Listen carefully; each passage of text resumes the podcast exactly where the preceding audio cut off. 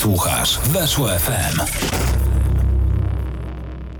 Dzień dobry, witam serdecznie. To jest bardzo ważny moment w życiu każdego z nas, dlatego że już za tydzień rusza nowy sezon Premier League, nowy sezon, nowe kluby, nowe nadzieje dla wszystkich. No i e, z tej okazji zapowiadamy dzisiaj to, co może się wydarzyć w programie Football Bloody Hell. Ja nazywam się Wojciech Piela, witam wszystkich bardzo gorąco i serdecznie. Koszulka jeszcze taka związana trochę ze wspomnieniami z Euro, no ale Anglicy wiemy, że doszli do finału. Też wokół nich było mnóstwo różnych emocji, taka wręcz kakofonia, bo i oczywiście były euforie, zwłaszcza na Wyspach Brytyjskich też było troszeczkę e, takich gorszych emocji, że tam coś sędziowie pomagają, że wszystkie mecze u siebie, więc na pewno zapamiętamy dobrze te występy, a to odniesienie do euro również dlatego, że no dzisiaj e, naszym gościem w programie będzie naoczny świadek różnego rodzaju wydarzeń z euro, bo e, uczestniczył w tej imprezie i teraz się pewnie zastanawiacie, może Jakub Moder, może Jan Bednarek, może Łukasz Fabiański. Nie, ktoś lepszy. Jarosław Koliński, przegląd sportowy. Witam ja serdecznie. Tęskniłem. Dzień dobry, dzień dobry. Jest witam. też Maciek Łuczak, cześć. Nie no, żartuję, Maciek Łuczak oczywiście również wielki tenisista, w wolnych chwilach pasjonat backhandu, forehandu, a zamiłowania Backhandu i mm, backhama. fan backhama. Andiego Maria. I e, Andy Kane'a. wielki sympatyk fantazy Premier League. Myślę, że lepszy o. od nas z trzech łącznie wziętych. Tak, tak, człowiek, który e, cały czas wierzy w Mikel Artetę.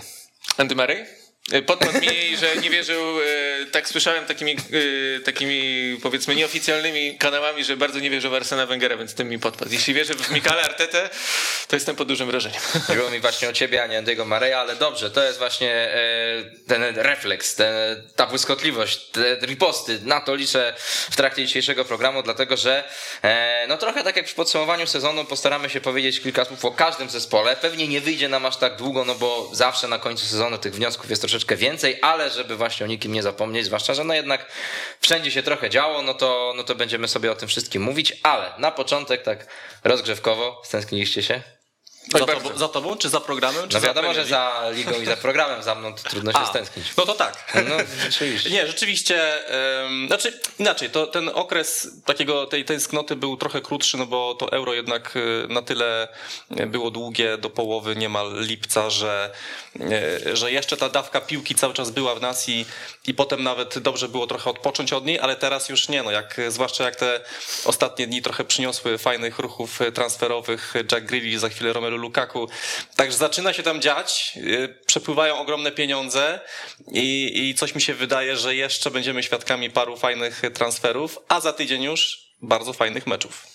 Wiesz, tak oglądałem sobie mecze Leicester z Manchesterem City teraz na meble i się tak e, w pewnym momencie zastanowiłem, że przecież Kasper- Schmeichel stoi w bramce Leicester, a jeszcze całkiem niedawno przecież Dania grała na Wembley i to tak naprawdę wiele czasu nie minęło, natomiast e, no zawsze ten tydzień tuż przed startem ligi jest bardzo fajny. W ogóle ten dzień, kiedy zaczyna się, czyli teraz będzie piątek, e, meczem Brentford-Arsenal, to jest już takie święto, tak już czuć, że naprawdę fajne rzeczy się zaczynają i no na pewno dużo większą ek- ekscytację u mnie powoduje fakt, że już będą kibice, bo jednak ten sezon bez kibiców, no fajnie, że się zaczynał rok temu i fajnie, że był rozgrywany, natomiast czegoś wyraźnie brakowało. To, to nie była taka no, liga na 100%, takie emocje na 100%, więc będą kibice i to też myślę, że jest y, bardzo ważne i to będą kibice już nie w takiej formule gdzieś tam tysiąca czy, y, czy dwóch, tylko już naprawdę te stadiony powiedzmy wypełnione tak pokaźnie i to jest myślę też bardzo dobra wiadomość. Natomiast myślę, że wcale nie wszystkie kluby się cieszą z tego i właściciele klubów się cieszą z tego, że kibice będą na trybunach, ale to zaraz o Newcastle jeszcze pogadamy.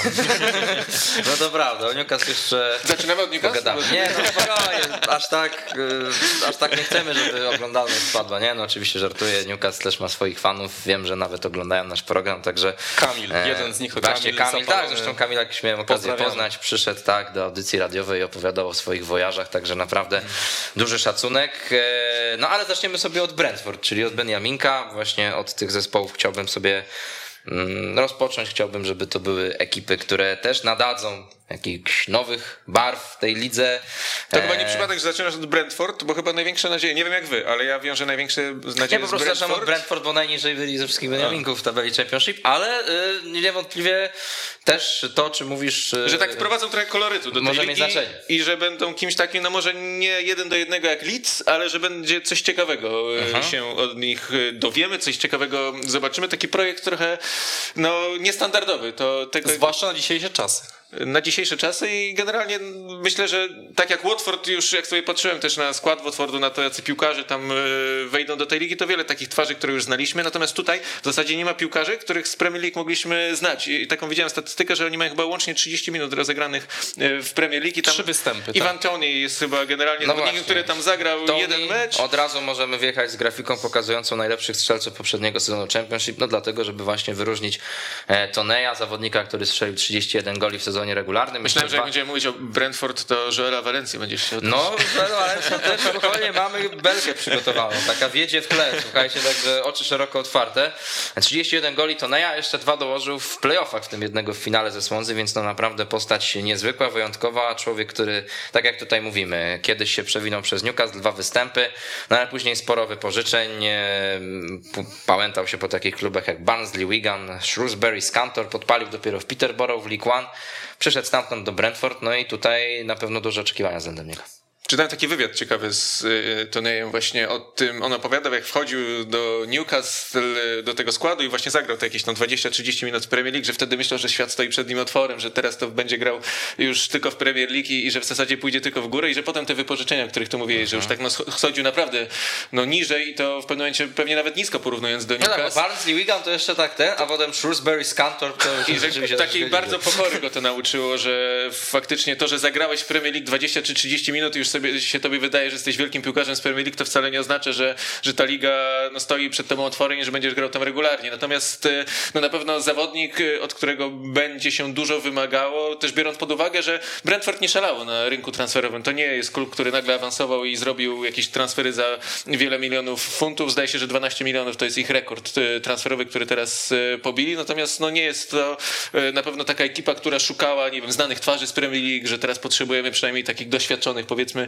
ligowców i, i to mnie się to podoba. Ja to kupuję i myślę, że, e, że z dużą taką ciek e, ciekawością będę patrzył. Też taką ciekawostkę znalazłem e, ich trener Frank, e, też ciekawa postać. W ogóle rozpoczął kadencję w Brentford, na 10 meczów 8 przegrał. Tak, to też tak, pokazuje, jak, jaki tam jest też spokój w klubie. To, to jest jakby kontynuacja tego pewnie, że oni mają taki jasno określony plan i są drużyną, klubem generalnie, no, który nie będzie szalał. Myślę, że Frank też nawet jeśli im się nie powiedzie start, to tam nie będzie żadnych szaleństw, nie będzie jakiegoś zwalniania trenera, szukania nie wiadomo czego i Myślę, że to taki Be- Beniaminek, który dużo może dobrego do, do Premier League wnieść. Nie wiem, czy nie uprzedzamy faktów, ale ja bym ich nietypowo do spadku może No, tak. oczywiście, Znaczy nie do tak. spadku. Nie do spadku, nie. Okej, to czy ja im życzę nie spadku, bo, bo rzeczywiście, tak jak powiedziałeś Maciek, oni wnoszą sporo kolorytu. Mi najbardziej w tej historii podoba się ten model budowy drużyny, który, tak jak powiedziałem, jest w ogóle nie przystoi do dzisiejszych czasów, bo teraz wszyscy mówią akademia, rozwój młodych zawodników. Oni, jaka akademia? My likwidujemy akademię, akademia nam jest w ogóle niepotrzebna, bo tylko londyńskie i inne kluby podbierają nam piłkarzy za bezcen i,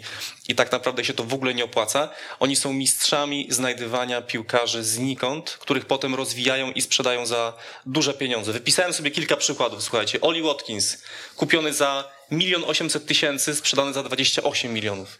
E, Neil Mopé, kupiony za milion osiemset tysięcy, sprzedany za 20.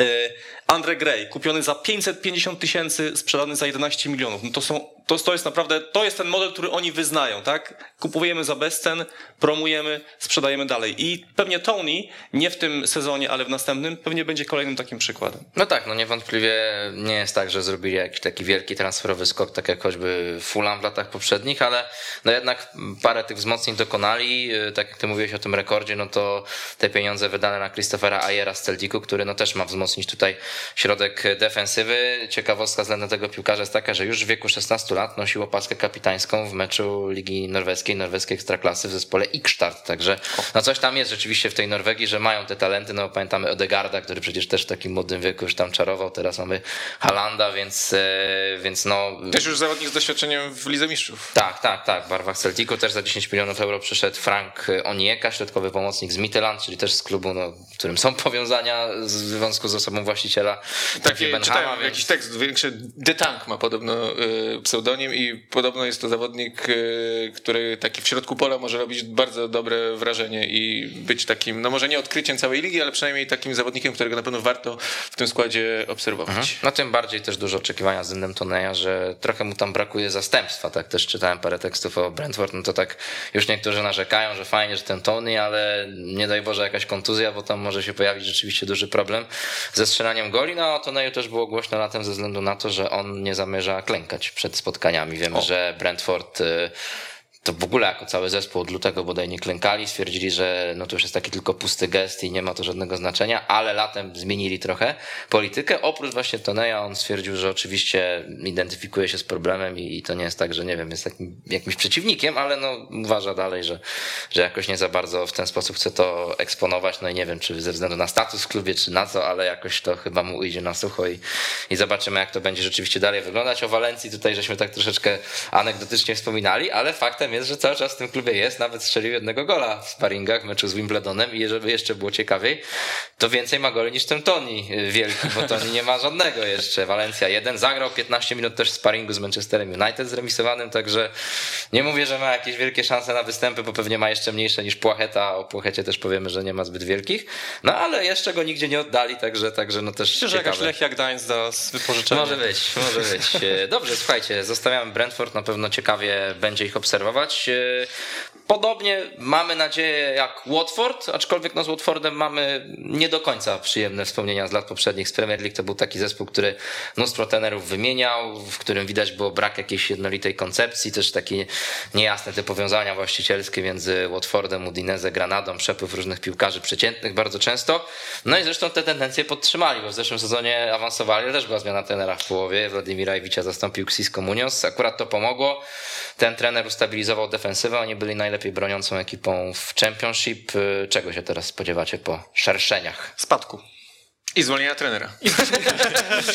Dziękuję bardzo, dalej mamy Norwich. Kanarki. No nie, bo rzeczywiście tak to jest. No, zmiany trenerów to jest coś absolutnie normalnego na Vicarage Road, to jest raz. Dwa, jak spojrzałem sobie na transfery, jakich dokonali, no to, to, to w ogóle nie są wzmocnienia. Co to w ogóle jest? To jest kupiony Emmanuel Denis z FC Köln, który rozegrał 9 meczów i strzelił jednego gola w tamtym sezonie. Joshua King, który przesiedział właściwie Ostatni gol chyba jeszcze w Bournemouth. W Tak, ogóle, e, właśnie. Joshua. King, muszę się wam przyznać, może to trochę taki wstyd, ale jak zobaczyłem, że on przed z Evertonu, to aż tak musiałem sobie przypomnieć, że on tam był w No ogóle. ale nie wiem, czy, Nie- nie, nie wiem, czy pamiętacie, ale zanim on poszedł do Evertonu, to był taki moment, że miał iść do Manchesteru United. E, Joshua King. Tak, A, tak. tak, bo on się dobrze zna chyba z Solskierem. Jeszcze z chyba tylko, chyba Tak, tylko tak, na takiej zasadzie E, więc, pójść. no, tak, tak więc, więc dobrze, że poszedł do Evertonu. E, Znaczy ale- dla Evertonu nie dobrze. Tak, tak, tak. Mówię o kibicach Manchesteru United. Tak, tak. Y, Natomiast, y, no tak, to rzeczywiście jest taki klub, który nie widać po nim jakiegoś takiego rozwoju, tam nie widzę jakiejś takiej wielkiej myśli, strategii budowania, więc mam takie poczucie, że to będzie jeden z głównych kandydatów do, do spadku, pod wodzą już oczywiście nowego trenera. Tak, jeszcze do tych nazwisk, które ty wymieniłeś, Danny Rose jeszcze tam się O, pojawił, Rose. więc tak, tak naprawdę kilka takich... Znowu talentowany lewobrońca. Tak, Ciekawe, tak. co pokaże. tak jak mówisz, ja też przejrzałem sobie ich skład i trochę jest tam już takich twarzy, które zaliczyły w ogóle spadek y, już tam z poprzednim razem, kiedy się Watford Właśnie. y, żegnał. Nie bardzo jest czego się złapać, żeby pomyśleć, y, żeby ta drużyna była jakaś taka, nie wiem, ekscytująca, żeby powiedzieć, kurczę, oni wchodzą do tej ligi fajnie, żeby będą, bo, bo coś wprowadzą nowego. Ismaila Sar chyba jest jedynie takim zawodnikiem. O. Spodziewałem się, że on w ogóle, kiedy ta drużyna spadła, że on zostanie na poziomie e, Premier League. Nie został i wykręcił naprawdę całkiem e, niezłe liczby w Championship. I 13 goli i chyba 10 Najlepszy asyst, strzelec. więc Tak, najlepszy strzelec. Tak. Naprawdę... Ale to też pokazuje, że no jednak oni w ofensywie nie straszyli, no bo jak najlepszy strzelec ma 13 goli, no to No nie jest to taki porównanie typowy- z Tonejem. Nie jest to taki typowy napastnik środkowy, bardziej Mhm. człowiek na, na skrzydło, więc faktycznie brak tego środkowego napastnika. Troy Dini znowu raczej się nie ma co spodziewać, żeby taki zawodnik już w tym wieku chyba i, i po tylu przejściach miał ratować e, Premier League dla, dla tej drużyny, więc też no tutaj się chyba nie, nie pokłócimy, chyba że ty masz inne zdanie. Nie, no ale ja też typuję dla nie, mnie nie taki... Watford do spadku, y, ale widać, że no tam jednak ten środek pola chyba chcą wzmocnić, no bo tam przyszedł, y, tego nazwiska nie wymieniliśmy, a to jest Imran Louza, taki zawodnik z Nantes, środkowy pomocnik doświadczony na poziomie Ligi Francuskiej, 9 milionów funtów, więc no jak na Nie aż tak I znowu mało. tam chyba, znaczy, bo tam O generalnie... Okaju i o Kuszlu też się mówi, że może tam dołączyć on z. Celty Vigo, tak? No pamiętamy go z West Bromu, że na tym wypożyczeniu się całkiem nieźle pokazał. No Coś tam zobaczymy. robił, tak, coś tak, tam gra, tak, coś coś, tam tam, robił. E, No Troy Deeney, no to akurat jedna z takich niewielu, myślę, pozytywnych rzeczy, że on wraca do ligi, bo jednak ja go wspominam jako takiego napastnika e, W starym stylu jeszcze w starym takim. stylu, ale też takiego przybliżającego nam wielki świat Premier League, no bo on tak posturą aż tak wiele się nie różnił od takiego kanapowego kibica, a jednak umiejętności miał wielkie. I taki E, łobuziak trochę też. Strzelił nawet gola Tak, ostatnio tak, w tym kiedyś meczu. tam Arsenalowi wbijał szpilę, że, Że nie mają- nie mają mentalności zwycięzcy, coś tak. takiego, tak, tak. Tak, Tak, nawet strzelił ostatnio jedynego gola w tym sparingu e, w weekend przegranym z Crystal Palace 1-3, więc no może wcale nie jest tak, że on zaliczy pusty przelot. Życzyłbym mu tak z 2-3 No ewentualnie na co można liczyć, to na ciekawe vlogi może od Bena Fostera, chociaż on raczej nie będzie. Tak, e, stracił miejsce w Nie będzie na chyba raczej pierwszym. Bachmana, Tak. Austriaka. No nic, no zobaczymy co się wydarzy, natomiast no nie ukrywam, że jeżeli Watford jakoś nas zachwyci, utrzyma się, no to będę delikatnie zaskoczony, chociaż oczywiście no pamiętamy tę ekipę choćby z tego, że potrafiła nawet do finału Pucharu Anglii nie tak dawno dojść, co prawda tam już było lanie od City 0 do 6, no ale miała też ta drużyna lepsze momenty. No Jak i- się utrzymałem i nie zwolnią trenera, to... To będzie cud, tak, to, to, to wtedy rzeczywiście... Kurs taki jak na Mistrzostwo Leicester przed sezonem Wtedy- 2015-16. Wtedy do czegoś się zobowiążę, ale jeszcze nie wiem do czego boję się tego. Norwich. E, Norwich zespół e, osierocony e, przez odejście Emiliano Buendii, ale nie zasypują gruszek w popiele działacze Norwich. Sprowadzili dosyć szybko Milota Rashice z Werderu Brema, zawodnika, który ma go zastąpić. Na poziomie Bundesligi całkiem uznana marka. Też dużo się mówi o transferze Sargenta z podobnego klubu, też z Werderu Brema niebawem, więc tutaj coś tam się dzieje. No i Duże zaufanie względem Daniela Farkę, bo po pierwsze został po spadku, awansował z pierwszego miejsca, po drugie latem przedłużony kontrakt, nowy czteroletni, nowa czteroletnia umowa, więc no tam mm, raczej chyba tak otwarcie nie powiemy, że to jest kandydat do spadku. Nie powiemy. Yy, znaczy ja, ja będę miał, ja mam ogromną sympatię do Norwich i będę bardzo kibicował, żeby się utrzymali, bo to jest taki dla mnie no, jednak wzór budowy drużyny, prawda? Takie Że- przeciwieństwo trochę Watfordu, gdzie jest miszmasz tak. i takie sprowadzanie piłkarzy, zwalnianie trenerów, tam jest spokój. Dokładnie tak. Tam Daniel Farke też utrzymał posadę nawet po spadku. Oni po prostu wiedzą, że to jest dobry trener i to, że oni spadli, to nie znaczy, że trener jest zły. Tylko dlatego, że no po prostu mieliśmy mm, kiepskich piłkarzy, może y, mało doświadczonych, tak, i, i, i to z tego powodu. Natomiast Daniel Farke został, teraz znowu podpisał nowy czteroletni kontrakt. Oni wiedzą, że mają po prostu doskonałego mm, fachowca. Jestem świeżo po wysłaniu do drukarni Skarbu Kibica Premier League, na który serdecznie zapraszam wszystkich e, w sobotę do przeglądu sportowego. I tam, dlaczego o tym mówię? Bo akurat w tej drużynie najwięcej zaszło takich zmian do podstawowej jedenastki bezpośrednio. Tam pięciu piłkarzy naliczyłem, którzy będą prawdopodobnie od razu w pierwszej jedenastce, więc widać, że nie chcą popełnić tego błędu, który popełnili dwa lata temu, tylko wiedzą, że nie da się utrzymać tylko tymi piłkarzami, którzy awansowali. Trzeba po prostu doświadczonych, tak jak Rashica właśnie, którzy na tym poziomie najwyższym już zdobyli jakieś doświadczenie i, i będą starali się to e, realizować.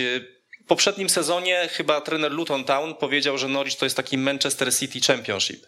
I oczywiście zachowując proporcje, ale, ale trochę tak jest, w tym sensie, że to jest atrakcyjna drużyna do oglądania. Tam wszystko ładnie wygląda, podania, budowanie akcji, ofensywka. Mm, Także to wszystko sprawia, że będę naprawdę dużym, dużym fanem te, tego zespołu. Ja te, mm, też jestem sympatykiem, jeśli chodzi o to, jak oni się budują, jak, jak tam wygląda organizacja tego klubu. Natomiast tak sobie spojrzałem i porównałem ich skład do tego składu, który no, ostatnio spadał i to spadał jednak w takim no, kiepskim stylu, jeśli z chodzi hukiem, o. no. Z hukiem, no tak Tam sobie to trzeba powiedzieć. Tak. straszne błędy. Ale wiecie, wtedy mieli Buendię, wtedy mieli też Bena Godfreya, też naprawdę niezłego obrońcę. Jamala I tak, Luisa. y, Jamala Luisa. I no nie powiedziałbym, że teraz mają mocniejszy skład. Y, No też bym I nie myślę, że nie to może być tak. duży kłopot. Ja tak sobie rozpis- rozpisałem tabelę na własne potrzeby y, Premier League y, na ten sezon, no to dla mnie też są niestety kandydatem do spadku i to 18, takim... tak? Nie, Niżej. na 20. O Jezu. Wow, o Jezu. tak, dla ciebie Tak, oni spadają mnie- po prostu z, na ostatnim miejscu. No nie, nie bardzo widzę takie argumenty czysto piłkarskie, żeby oni aż trzy drużyny wyprzedzili i możecie Ale się zastanowić, jedno. kogo... No chciałbym, żeby Watford wyprzedzili. O. Y, I, ale, ale jednak widzisz, że jakość w Watfordzie jest większa niż w Norwich, tak? No, bo ja jakoś jednak bym tutaj, ja, ja jednak na ostatnim miejscu typowałbym Watford. Myślę, że ten Watford będzie się troszkę chciał ratować zimą, może kogoś sprowadzi, może będzie zmieniał Aha, a trenerów. Norwich nie będzie i, pani- zapanikowało. A Norwich nie będzie raczej panikował.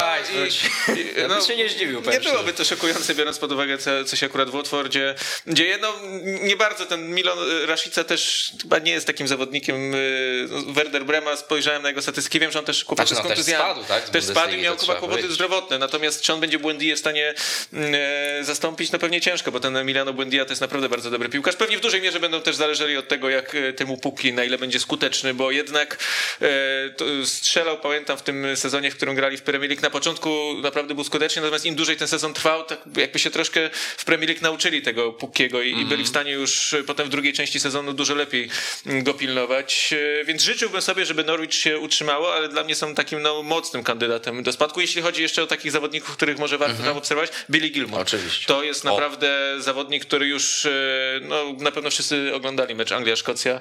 Jak tu siedzimy, jak to, jak to oglądamy z perspektywy widzów i, i on wtedy naprawdę też pokazał się świetnie. Potem chyba zakażenie No tak, no to koronawirusem. była ta więc- historia, co Chilwell z Mountem Tak, zbili z nim więc- pionę i okazało się, że już nie mogą grać. E, Natomiast na pewno zawodnik bardzo taki obiecujący, generalnie taki przyjemny do oglądania, który cały czas chce piłkę, który cały czas jest pod grą, który chce tę grę e, do przodu e, cały czas e, ciągnąć, więc no jeśli na kimś budować, to na tym Gilmurze, na skuteczności Pukiego i tak potem, nie wiem, na akcjach Aronsa na przykład jeszcze prawym skrzydłem, no Zwłaszcza, że, mało trochę, mało tych argumentów. Zwłaszcza, że o ile e, powiemy, że Rashica jako zastępstwo do, dla Błędi, powiedzmy nie powiemy na 100%, że to może być krok do przodu, o, o tyle mam wrażenie, że mimo tego, że Oliver Skip też zagrał bardzo dobry sezon na poziomie Championship w barwach właśnie Norwich, teraz wrócił z upożyczenia do Tottenhamu, to ten Billy Gilmour może być nawet jeszcze takim delikatnie lepszym zawodnikiem, no bo jest jednak bardziej ograny już na tym najwyższym poziomie i zobaczymy jak to będzie wyglądać. Przemysław Pocheta na razie wypożyczony nie został, nie wiemy czy, czy zostanie, pewnie w myślach niektórych to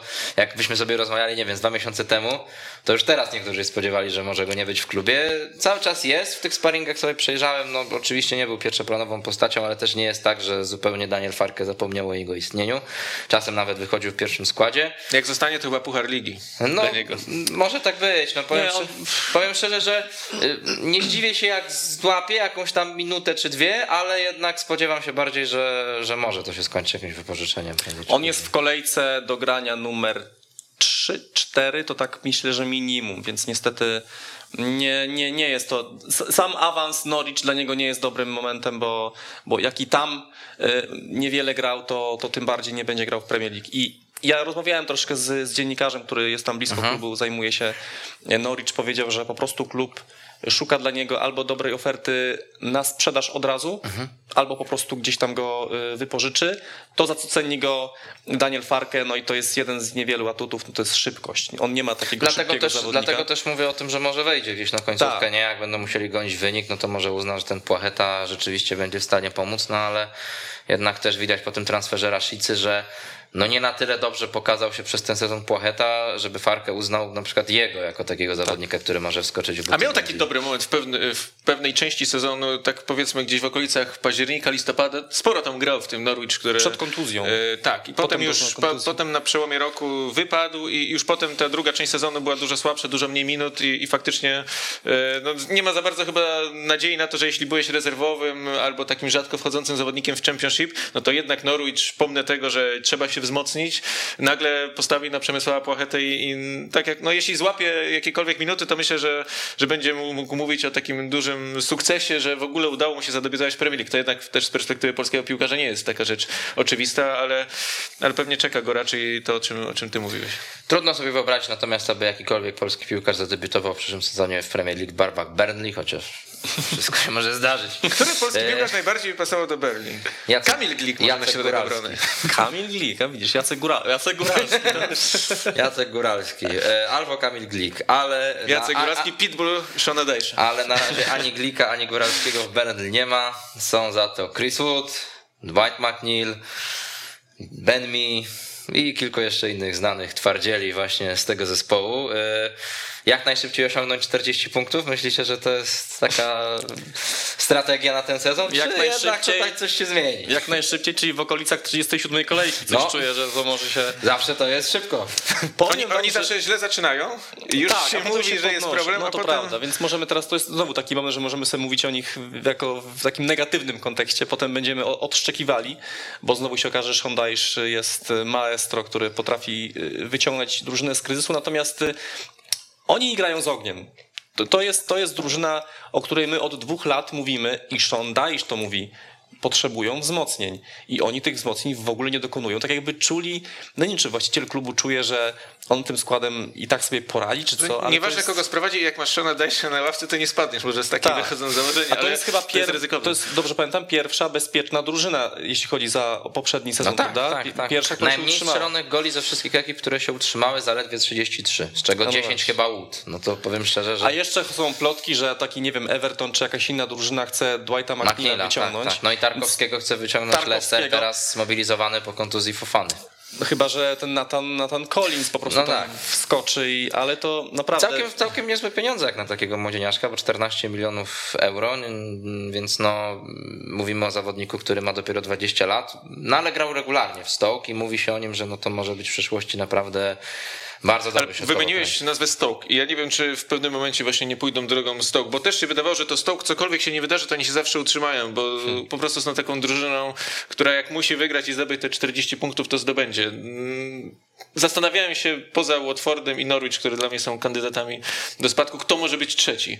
I nie wiem właśnie, czy nie przejedzie się w końcu Burnley na tym, że jednak y, no troszkę nie wzmacniają się, nie rozbudowują tej kadry. Już absolutnie nie mówimy o tym, żeby oni chcieli trochę zmienić styl gry, żeby wprowadzić tam może trochę więcej takich piłkarzy jak Dwight McNeil, których się lepiej ogląda. To też jest takie rozczarowanie może też dla Shona Dyche'a, bo tam się przecież zmienili właściciele tak gdzieś e, w końcówce chyba ubiegłego roku i wydawało się, że ci nowi właściciele troszkę będą chcieli może w drużynę zainwestować, że może będzie takie mm, troszkę przyjemniejsze środowisko dla pracy właśnie dla, dla Dyche'a, że on będzie miał większy komfort, a na razie to tak wygląda jakby oni zakładali właśnie, że no on jest gwarantem tego, że zawsze ta drużyna jakoś dociągnie ten sezon i się utrzyma, natomiast to wygląda tak, jakby oni chcieli trwać tylko w tej Premier League, pobierać może co roku pieniądze za mm, prawa telewizyjne i, i tak naprawdę nie bardzo się rozwijać, więc nie wiem, czy nie dojdzie do momentu, bo nie mam takiego trzeciego zespołu, który w jakiś bardzo mi się negatywnie wyróżnia, czy to właśnie Burnley w tym sezonie nie będzie tym, no, któremu troszkę zabraknie i, i przejadą się na tej swojej polityce, którą no, przynajmniej do, do teraz prezentują. No trochę się tam zmieniło w klubie, ale tak poza pierwszą drużyną, bo tam widziałem, że usprawniona akademia choćby, awansowała chyba o dwa poziomy, więc może to też będzie jakiś symbol tego, że nie tylko tymi starymi drewniakami, tylko będzie jakiś przypływ nowych, młodych piłkarzy. Sztuczna inteligencja podobno też się w klubie pojawiła, która wyszukuje talenty do tej akademii. O. Krzesełka na stadionie chyba odmalowane, taki nowy, ładny wszystko widok, e, więc no trochę się zmienia, ale no powiedzmy nie w samych transferach. Chcieli Ashley Younga podobno sprowadzić, no ale... I Albrightona jeszcze te, I też. Albrightona, Ale Brighton by tam pasował, bo to Pasował, takiej pasował. do Tak, linii tak. wrzucić i Albrightona Chrisu nie ma, będą musieli liczyć na poprawę formy Gudmundsona, bo to też mam wrażenie taki zawodnik, dla którego to może być ważny sezon, dlatego że ja go pamiętam jako jednak taki motor napędowy zespołu Burnley, a po poważnej kontuzji poprzednich, w poprzednim sezonie no, był cieniu mocno McNeila i innych zawodników, a jednak no, też doświadczenie ma i, i, no, jeśli w tym sezonie znowu zawiedzie, no to pewnie będzie ciężko, żeby zostać na tym poziomie. Dobrze, zostawiamy Burnley, inna drużyna B, która mm, zaskakująco nisko mam wrażenie skończyła tam ten sezon, no bo dopiero na 16 miejscu, czyli Brighton, ekipa, o której się mówiło, że gdyby miała skuteczniejszego napastnika, no to mogłaby nawet walczyć pewnie o czołową dziesiątkę. Ten skuteczny napastnik, ten nowy napastnik nadal się jeszcze nie pojawił, chociaż mówi się choćby o tym, że Odson Edwards z Celticu może dołączyć. No niedobra informacja w polskim kontekście, czyli Jakuba Modera jest taka, że został i w Bisuma i przyszedł jeszcze Enok Mwepu, czyli zawodnik z Salzburga, który ma doświadczenie choćby nawet z Ligi Mistrzów. I Znaczy- wyleczył się Soli March. i wyleczył się Soli March, no to też i, i dla Modera, i dla Karbownika, który powiedzmy gdzieś tam jeszcze też pamiętamy, że jest w kadrze i, i walczy o miejsce na wahadłach. Eee, czego się spodziewacie po drużynie MEF? Zaprosił mnie Jarek y, do skarbu kibica, żebym właśnie napisał o Brighton, więc e, już miałem czas i okazję dlatego ja zamilkłem, przemyśleć, e, co z tą drużyną. No dla mnie nadal są drużyną, jeśli nie będą mieli skutecznego napastnika, a Neil Mopé nie wygląda mi na takiego kogoś, kto jest w stanie masowo strzelać gole, raczej on się częściej łapie za głowę niż, niż tak ręce w geście triumfu po, po kolejnych uderzeniach wznosi. Natomiast, no tak jak powiedziałeś, są tam różne spekulacje, oni zarobili 50 milionów funtów na, Na White. Na łajcie, więc myślę, że to będą pieniądze generalnie do wydania i do wzmocnienia tej drużyny, więc jeśli przyjdzie tam skuteczny Napastnik, taki napastnik, który powiedzmy jest w stanie w sezonie strzelić 12-15 goli, no bo też w przypadku tej drużyny raczej nie będziemy mówić, że oni sprowadzą kogoś, kto zostanie królem strzelców, ale też widziałem, że byli łączeni z Darwinem Nunezem, Tak, e, takim też. naprawdę, no, To napastnikiem. Lecha Poznań pamiętają. Tomasz Dojewski z Lecha Poznań chyba dobrze zapamiętał. E, Natomiast no, to byłby taki napastnik, który no, ja bym go przywitał z dużym takim, taką ciekawością, bo, bo faktycznie mógłby dla tej drużyny być e, dobrym wzmocnieniem. Przedłużyli też kontrakt z Danym Welbeckiem, który pewnie swoje zrobi w tym sezonie i tam Ale pewnie... nie możesz go rozpatrywać Nie jako możesz go rozpatrywać jako na pewno najważniejszego zawodnika. Na pewno, jeśli utrzymają Bisumę do samego końca, bo to też jeszcze różne rzeczy mogą się wydarzyć do końca okna transferowego. I pozyskaliby na takiego napastnika, to dla mnie byliby takim faktycznie kandydatem mniej więcej, żeby bić o takie dziewiąte, dziesiąte miejsce, bo pozostała mm, część tej drużyny, wzmocnienie też Mwepu, który widziałem, że w ostatnim sparingu grał na prawym wahadle. Pytanie też, jak szybko na przykład wróci Tarik Lamptey, bo przecież na niego czekamy już bardzo długo. To był, to był świetny, yy, znaczy zawodnik świetny, taki z dużym potencjałem, który się pokazał. On się le- leczy już dobry pół roku, jak nie, jak nie No więcej. tak. Ciekawa Chyba- drużyna, fajna no tak, do oglądania, no ale bez takiego produktu końcowego, jak to czasem Anglicy mówią, y, end, end product, chyba to jest takie ich ulubione y, określenie, więc dopóki nie będzie tego napastnika, nie sądzę, żeby spadli, bo chyba grają za dobrze w piłkę, ale też nie przewiduję, żeby tam wydarzyły się jakieś fantastyczne rzeczy i, i nie wiem, jakieś takie, nie wiem, pierwsza dziesiątka bez, bez skutecznego napastnika. A szkoda, bo to jest kolejna drużyna, którą się fajnie ogląda i chcielibyśmy fajne, fajne akcje oglądać. Ten nowy, nowy zawodnik Mwepu, e, pozyskany chyba z Salzburga, jeśli dobrze pamiętam, e, ksywka komputer, ponieważ e, świetnie podobno czyta grę, jak komputer analizuje e, wszystko to, co się dzieje wokół niego, więc e, pewnie będzie poważnym wzmocnieniem. Słuchajcie, tak był zestresowany po przyjeździe do Brighton, że na pierwszy trening zapomniał butów, bo taki był zaoferowany i taki, wiecie, no, że pre- Premier League. Dobrze, do że Premier. stadionu nie pomylił, tak jak Daniel kiedyś w Belgii Warszawa. że nie Gdzie po- pojechał? No, no, Na Narodowy. Pewnie w Brighton nie ma drugiego stadionu, więc tu było mu troszkę, więc było mu troszkę łatwiej. Yy, Ciekawe, co właśnie z Kubą Moderem. Jestem, mi wychodzi, mi wychodzi na to, że przynajmniej na razie będzie w pierwszym składzie. Tylko A już nie, nie na wahadle, tylko na takim no taki środkowy pomocnik, ale no trochę ustawiony bliżej lewej strony. Czyli tam oczywiście Czyli co, z Bisumą. Bisumą i Mwepu, tak? E, tak, że on będzie obok Mwepu. Tak, tak mi wychodzi, ale to mówię, to są takie moje przewidywania. No nie, wiem, czy- wszedł chyba w 79 minucie dopiero na ostatnim sparingu teraz. jak No ale Brighton go przegrało 2-0 z Getafe i Więc tam trzeba też, zmieniać. Więc trzeba zmieniać. Tam też y, wiele narzekań było właśnie na grę w obronie, że po tym odejściu Bena White'a wcale nie będzie tak łatwo, że proste błędy i takie gole stracone, których można było uniknąć, więc no też tutaj Graham Gole będzie... stracone, które można było uniknąć. To jest generalnie to, czym się tej, o tej drużynie też dużo mówiło, bo przecież często było tak, że oni atakowali, atakowali taki mecz, pamiętam w ubiegłym sezonie już nie wiem z kim to było, ale atakowali cały mecz. Poszła jedna, z Crystal Palace chyba, z Crystal Palace. Sheffield? Wydaje mi się, że z Crystal może Palace. tak. Pamiętam, że Benteke gola chyba z głowy strzelił na jakieś 2-1 w ostatnim Mogło tak być, ale pamiętam też taki mecz z Sheffield, gdzie Jadon Bogle, taki był piłkarz, który strzelił gola i, chyba tam się skończyło remisem 1 do 1. E, No i też ciekawe właśnie, jak to będzie wyglądać z tej lewej strony, dlatego że mam wrażenie, że w takim e, optymalnym składzie Brighton, no to jednak jest trochę różnicy między prawą stroną a lewą, no bo po prawej stronie mamy Trossarda, który przecież choćby na Euro był z reprezentacją Belgii, parę minut zagrał, a po lewej stronie oczywiście to jest ze względu na problemy zdrowotne, choćby Marcha, ale tam Graham Potter mniej miał ustabilizowaną tę sytuację, no bo tam był próbowany Jaron Connolly i też Percy Tau swego czasu, właśnie też Soli Marci, powiedzmy, że tam jednak no, jak Jakub Moder też przecież dużo grał na lewym wahadle, no i powiedzmy, że aż tak dobrze jak Trossard nie wyglądali, więc no zobaczymy jak to będzie. Sam Graham Potter, y, jedna z większych zmian w Brighton latem, poza tym, że odszedł White, no to to, że Graham Potter zapuścił brodę, także proszę się nie zdziwić, jak zobaczycie e, trenera w nowym wydaniu. Był tego lata łączony z Evertonem, z Tottenhamem, y, no ale mówi się, że Brighton zażądałoby nawet 20 milionów funtów odszkodowania kontrakt do 2025 roku, więc łatwo Pottera z Brighton wyciągnąć nie będzie. Takim trenerem, który też swego czasu wzbudzał zainteresowanie lepszych klubów i nawet też się o nim mówiło w kontekście Tottenhamu troszeczkę, y, był Ralph Hasenhüttl, obecny trener Southampton, ale no podobno Daniela Lewiego odtrąciła jednak ta kiepska końcówka sezonu, że gdyby tak, nie wiem, szukał trenera w zimą, no to wtedy wiemy, Southampton przed chwilą był liderem tabeli, wszyscy się zachwycaliśmy, wygrali z Liverpoolem i tak dalej, ale to jednak ta druga część sezonu fatalna, jakbyśmy wzięli e, tabelę Premier League tylko za ten rok, no to Southampton ma miejsce ostatnie, do tego dochodzą odejścia Inksa, Bertranda, no chyba trudno być optymistą w tym momencie. No i teraz, i teraz y, to o Tottenhamie będziemy mówili, ale, ale to, to, to y, pomyślcie teraz, jakie są dwa modele zarządzania. Norwich nie zwalnia trenera po spadku, a Levy nie zatrudni trenera, który miał słabszą końcówkę w innym klubie. No albo jest dobrym trenerem, albo, albo patrzysz tylko na wyniki, zatrudniasz tylko trenera, który wygrywa. No to w takim razie nie wiem, jakim cudem Nuno Espirito Santo dostał robotę. Wiesz co, no nie Espirito Santo, no to i tak to przecież był taki wybór trochę, wiesz, no co zostało, to 15 wziął, tak, tak, w kolejce, więc tak, ale to do tego jeszcze w sumie, No tak, przepraszam, taką dygresję Ale wiesz, ale chodzi mi właśnie o to, że no to też jakby nie jest efekt, podejrzewam, przekonania wielkiego do New Espirito Santo, tylko bardzo chaotycznie szukano Pewnie trenera w tak, Tottenhamie. pewnie tak. O kim mówiliśmy? A, O Southampton. A wolałbym chyba Hassan Hytla niż Union Spirito Santo. Jak gdybym był No, kibicem, to no tak, no oczywiście, że tak. Oczywiście, że tak. No Ale on był dobrym trenerem w listopadzie, już w maju nie.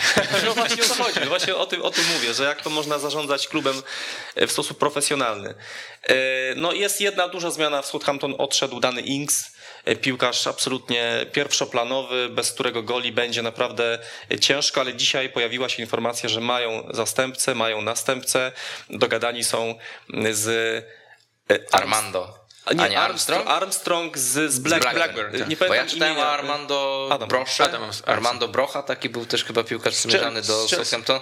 Chelsea, ale w zeszłym sezonie wypożyczony, a jakże do Vitesse i tam strzelił 11 goli w Eredivisie, ale Adam Armstrong też rzeczywiście Tak, przewijał. 28 goli, zresztą pojawił Zresztą się na pojawił tej, na tej się, grafice jako wicekról chyba z, strze, tak, strzelców Championship, także e, zobaczymy jak to, e, jak to wypali. E, No, jestem trochę zdziwiony tym odejściem Inksa, no bo on opowiadał, że chce odejść, bo chce grać w Lidze Mistrzów. To trochę trochę potencjału chyba Aston Villa, przecenił potencjał Aston Villa, e, ale rzeczywiście bez jego goli może być trudno, a też wiemy, że tak te transfery jakoś niespecjalnie szły latem. No jest jeden lewy obrońca, e, pojawił się, tak, Pero, który w tamtym sezonie był uznany, znaczy był wybrany do jedenastki sezonu League E, więc to powiedzmy jest takie naprawdę solidne wzmocnienie, ale poza tym, no to jedziemy tym samym składem, a wiemy, że ta chociażby obrona to wyglądała jak sito czasami.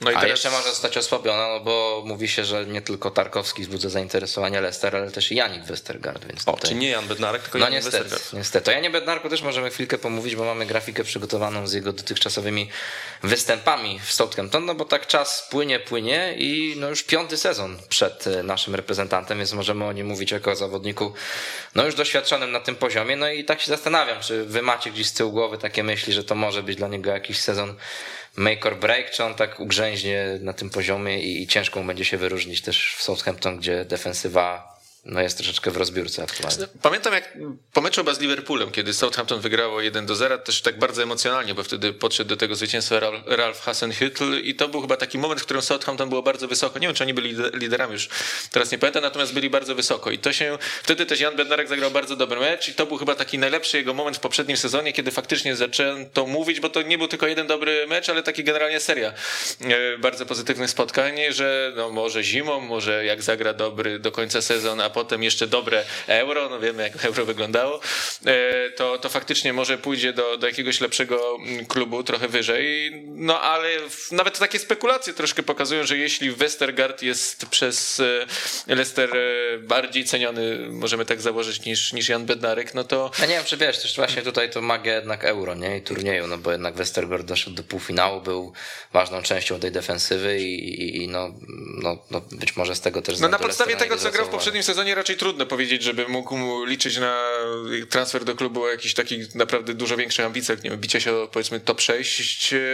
Natomiast to chyba nie był kłopotem tej drużyny, która miała swoich problemów w, innych formacjach całkiem sporo, więc no jak na zawodnika w takim wieku, jakim jest Jan Bednarek, to on ma bardzo dużo meczów zagranych w Premier League, bo widzieliśmy tę statystykę, że faktycznie no, tych, tych meczów nagranych jest dużo, więc doświadczenie bardzo duże w lidze.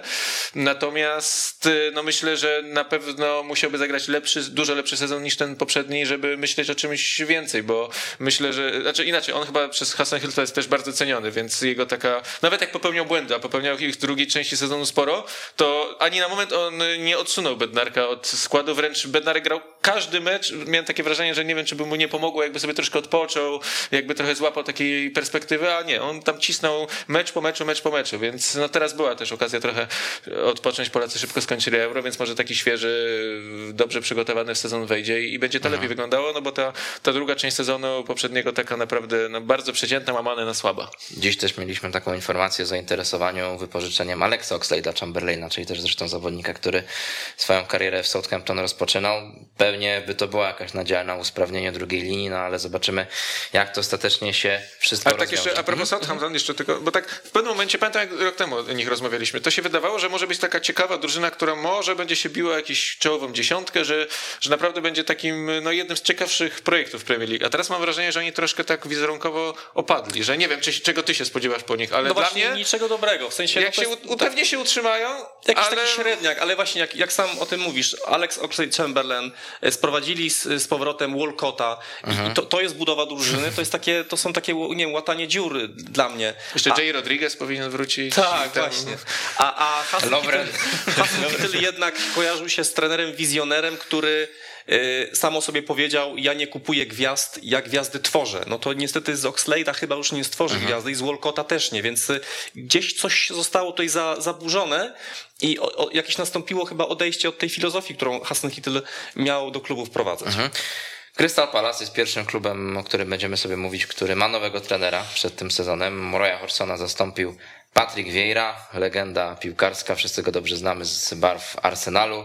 Czego oczekujecie po nim jako trenerze? Co musi poprawić, co musi usprawnić i czego się spodziewać? Nie pamiętam, gdzie to czytałem. y, Jakaś była za- zapowiedź y, Premier League wszystkich drużyn i było tam pytanie do wszystkich ekspertów jedno, który trener jako pierwszy straci pracę i większość wymieniła Patryka Vieira. właśnie, tak. W pamięci Franka de Boera. pamiętając, co się wydarzyło, kiedy już kiedyś Crystal Palace próbowało robić e, rewolucję, bo to jest rewolucja. Tu, tu się rewolucja dzieje na naszych e, oczach. Odejście od pragmatycznego mm, e, stylu budowania drużyny i budowania e, akcji w meczach e, Roya Hodgsona, tylko teraz ma być taka nowoczesna drużyna, e, grająca bardziej atrakcyjnie, ofensywnie, no i i tu się zastanawiam, bo to, bo to za szybko chyba chcą zrobić. I to mam nadzieję, że, że to wypali, bo, bo dobrze życzę po prostu wiej, że pamiętając go z boiska, to był wojownik, tak? I jestem ciekawy, jak to będzie, ale też, no właśnie, biorąc pod uwagę, że wzięli trenera, który nie ma doświadczenia jakiegoś gigantycznego, to też jest to ryzykowne, prawda? Że wprowadzanie tak wielu zmian e, dla trenera, który e, no, no nie zjadł jeszcze zębów na piłce w tym trenerskim aspekcie, tylko on dopiero się uczy tego fachu. Też taki wybór chyba nie pierwszy, znaczy Patryk Vieira, bo przecież długo byli łączeni choćby z Lucienem Favrem, tam kilka innych nazwisk też się przewinęło. Dla mnie taka największa zagadka, bo z jednej strony jak sobie patrzę na transfery, które robią, to to są ciekawe zakupy, bo i Andersen, który naprawdę miał niezły sezon Fulham, mimo że Fulham spadło, Mark Way, czyli taki bardzo utalentowany zawodnik, no, który był na wypożyczeniu w Championship, Aż obrońca- 24 miliony funtów. Obrońca pokazuje, Chelsea. Nie jest, nie jest to leszcz. Tak, do tego Olize, który też w Championship y, zdaje się, że chyba w ogóle został najlepszym piłkarzem młodego, po- pokolenia. 12 asyst. To naprawdę. Ale wiecie, to wszystko symbolizuje, jeśli to do tego jeszcze dodamy odejście już e, takich piłkarzy jak Cahill, jak Dan, jak Townsend, jak e, McCarthy, no odmłodzenie, to co, to co miał zrobić i to co ma zrobić Patrick Vieira, no bo za kadencji Roya Horsona, y, już pomijałem sam wiek menedżera, bo to nie o niczym nie musi świadczyć, ale no, trochę to się przekładało też na średnią wieku drużyny. Oni Najstarsza za, drużyna oni, tak, oni za Hodsona generalnie robili to, co robi mniej więcej Burnley, czyli utrzymywali się i było wiadomo, że nie spadną. Natomiast teraz podjęli pewne ryzyko i pytanie, co się wydarzy, bo jestem sobie w stanie wyobrazić, że to całkiem nieźle się wszystko yy, Czy Vieira zgra. też chce grać tak bardziej kombinacyjnie, no bo on często powtarzał o tym, że no Pep Guardiola jest jakimś tam jednym z jego idoli trenerskich, no bo oni e, też e, no, dużo ze sobą gdzieś tam rozmawiali w przyszłości i tak dalej, więc no kończył karierę w Manchesterze City, co prawda nie było wtedy Guardioli, ale, ale inspirację mógł czerpać też, też później jako trener e, New Rezerw York chyba, City, tak? Czy, ale, ale w rezerwach chyba też Manchesteru City pracował, no tak, tak był, mi się był, wydaje. Był, był, był, tak. On też był w MLS-ie w klubie z Nowego Tak. Jorku, a oni tam też mają współpracę z Manchesterem Tak, City, tak, więc tak. Ale na pewno chcą też stawiać na, na młodych zawodników, bo chyba wziął ze sobą też takiego bardzo uznanego trenera młodzieży, który chyba wydaje się, że w PSG pracował wcześniej i już był taki sfrustrowany tym, że PSG to Mhm. Nie raczej, młodych, raczej tak. Leo Messi, a nie, a nie młodzi zawodnicy, więc no faktycznie duży taki, mm, taka zmiana, myślę, że największa w ogóle zmiana, jeśli chodzi o filozofię gry, o skład, o, o, wszystko, jeśli chodzi o wszystkie mm, e, kluby Drużyny, Premier tak, tak, tak, Nikt no, nie dokonał aż takiej latem rewolucji. Pytanie też, na ile im starczy cierpliwości. Na przykład, jeśli powiedzmy po pierwszych 10 meczach będą mieli 5 punktów albo 6. Czy nagle zostanie odwrót, bo już będzie strach przed tym, Ja że zaraz widzę, ja, spadniemy? ja już widzę wtedy te grafiki porównujące Roy Hodgson, ile miał punktów, a ile będzie miał Vieira, ale Wtedy oczywiście tego sobie nie nazwisko Allardyce może się na przykład pos- O, już pojawić dobra, no, na, na horyzoncie, więc e, no Roy Hodgson już pewnie nie wróci, ale, ale właśnie, no pytanie na ile starczy takiej cierpliwości, bo to może być trudna droga generalnie do, do tego, żeby pozmieniać no wiele w tej drużynie i to niekoniecznie musi się okazać, że po, po pierwszych pięciu kolejkach jest tam, nie wiem, 10 punktów i jest fajnie, tylko jeśli już powiedzieli A, no to liczę, żeby nie powiedzą zwalniam mhm. Patrykowi Wiejrze, że dadzą mu popracować, e, chociaż no na pewno niełatwa taka transformacja, bo nowy trener, mnóstwo nowych zawodników, e, może będzie ich ciągnęła atmosfera Selhurst Park, bo to jednak o. jest taki stadion, który żyje, wrócą kibice, no i to się na pewno wrócą ci liderki, znane przecież. Tak, yy, ale nie wróci przynajmniej na początku niestety Ebereci Eze i to też na pewno będzie zawodnik, którego Crystal Palace e, zabraknie, bo w zeszłym Nieśmiertelny sezonie... Wil, Wilfried Zaha to jest. No, Wilfried Zaha, tak, on tutaj też dwa gole chyba w tym meczu teraz z Watfordem, także no widać, kto tam będzie decydował o obliczu gry ofensywnej. Wolverhampton, kolejny klub, który trenera zmienił, Bruno Lage, tak, Lasz, chyba, tak? Lasz, tak, chyba to mm. powinno wybrzmieć. Bruno Lage. E, trener, który no, też nie ma wielkiego doświadczenia, bo on pracował w Benfice właściwie tylko jako pierwszy szkoleniowiec. No, zdobył co prawda Mistrzostwo Portugalii, ale w niepełnym sezonie. Później, kiedy już miał pełny, to to mu się nie udało. E, ale trend portugalski widzimy jest kontynuowany. Zastępuje po wielu, wielu latach dobrej pracy, tak trzeba ocenić, mimo tego, że ten ostatni sezon wiadomo, już trochę słabszy. Nuno Espirito Santo. Wraca do zdrowia Raul Jimenez. To też jest na pewno bardzo pozytywna wiadomość. E, liczycie, że Wolverhampton da taki nowy impuls w porównaniu do tego, co się działo w tamtych rozgrywkach? I teraz jakbyśmy no, spisywali, tak. to jest taki koliński pokropek, głębokie westchnięcie. No ciekawe to jest, bo rzeczywiście tam ten poprzedni sezon był bardzo słaby, a na czym opieramy, że miałby być ten lepszy? Na powrocie Raula Jimeneza, e, na Bruno Lage, którego w sumie de facto nie, nie znamy, tak? więc też nie wiemy, czego się po nim spodziewać. To, co czytałem, to daje obraz takiego człowieka, dużego profesjonalisty, ale jednak takiego dosyć surowego, czyli to nie jest trener, który podejdzie do piłkarza, zagada co tam u ciebie, zażartuje, tylko on jest bardzo taki wymagający. On długo był poważny. asystentem, więc być może w tej roli asystenta to było coś, czym się sprawdza, bo tam się skupiał tylko na pracy, no tak. nie?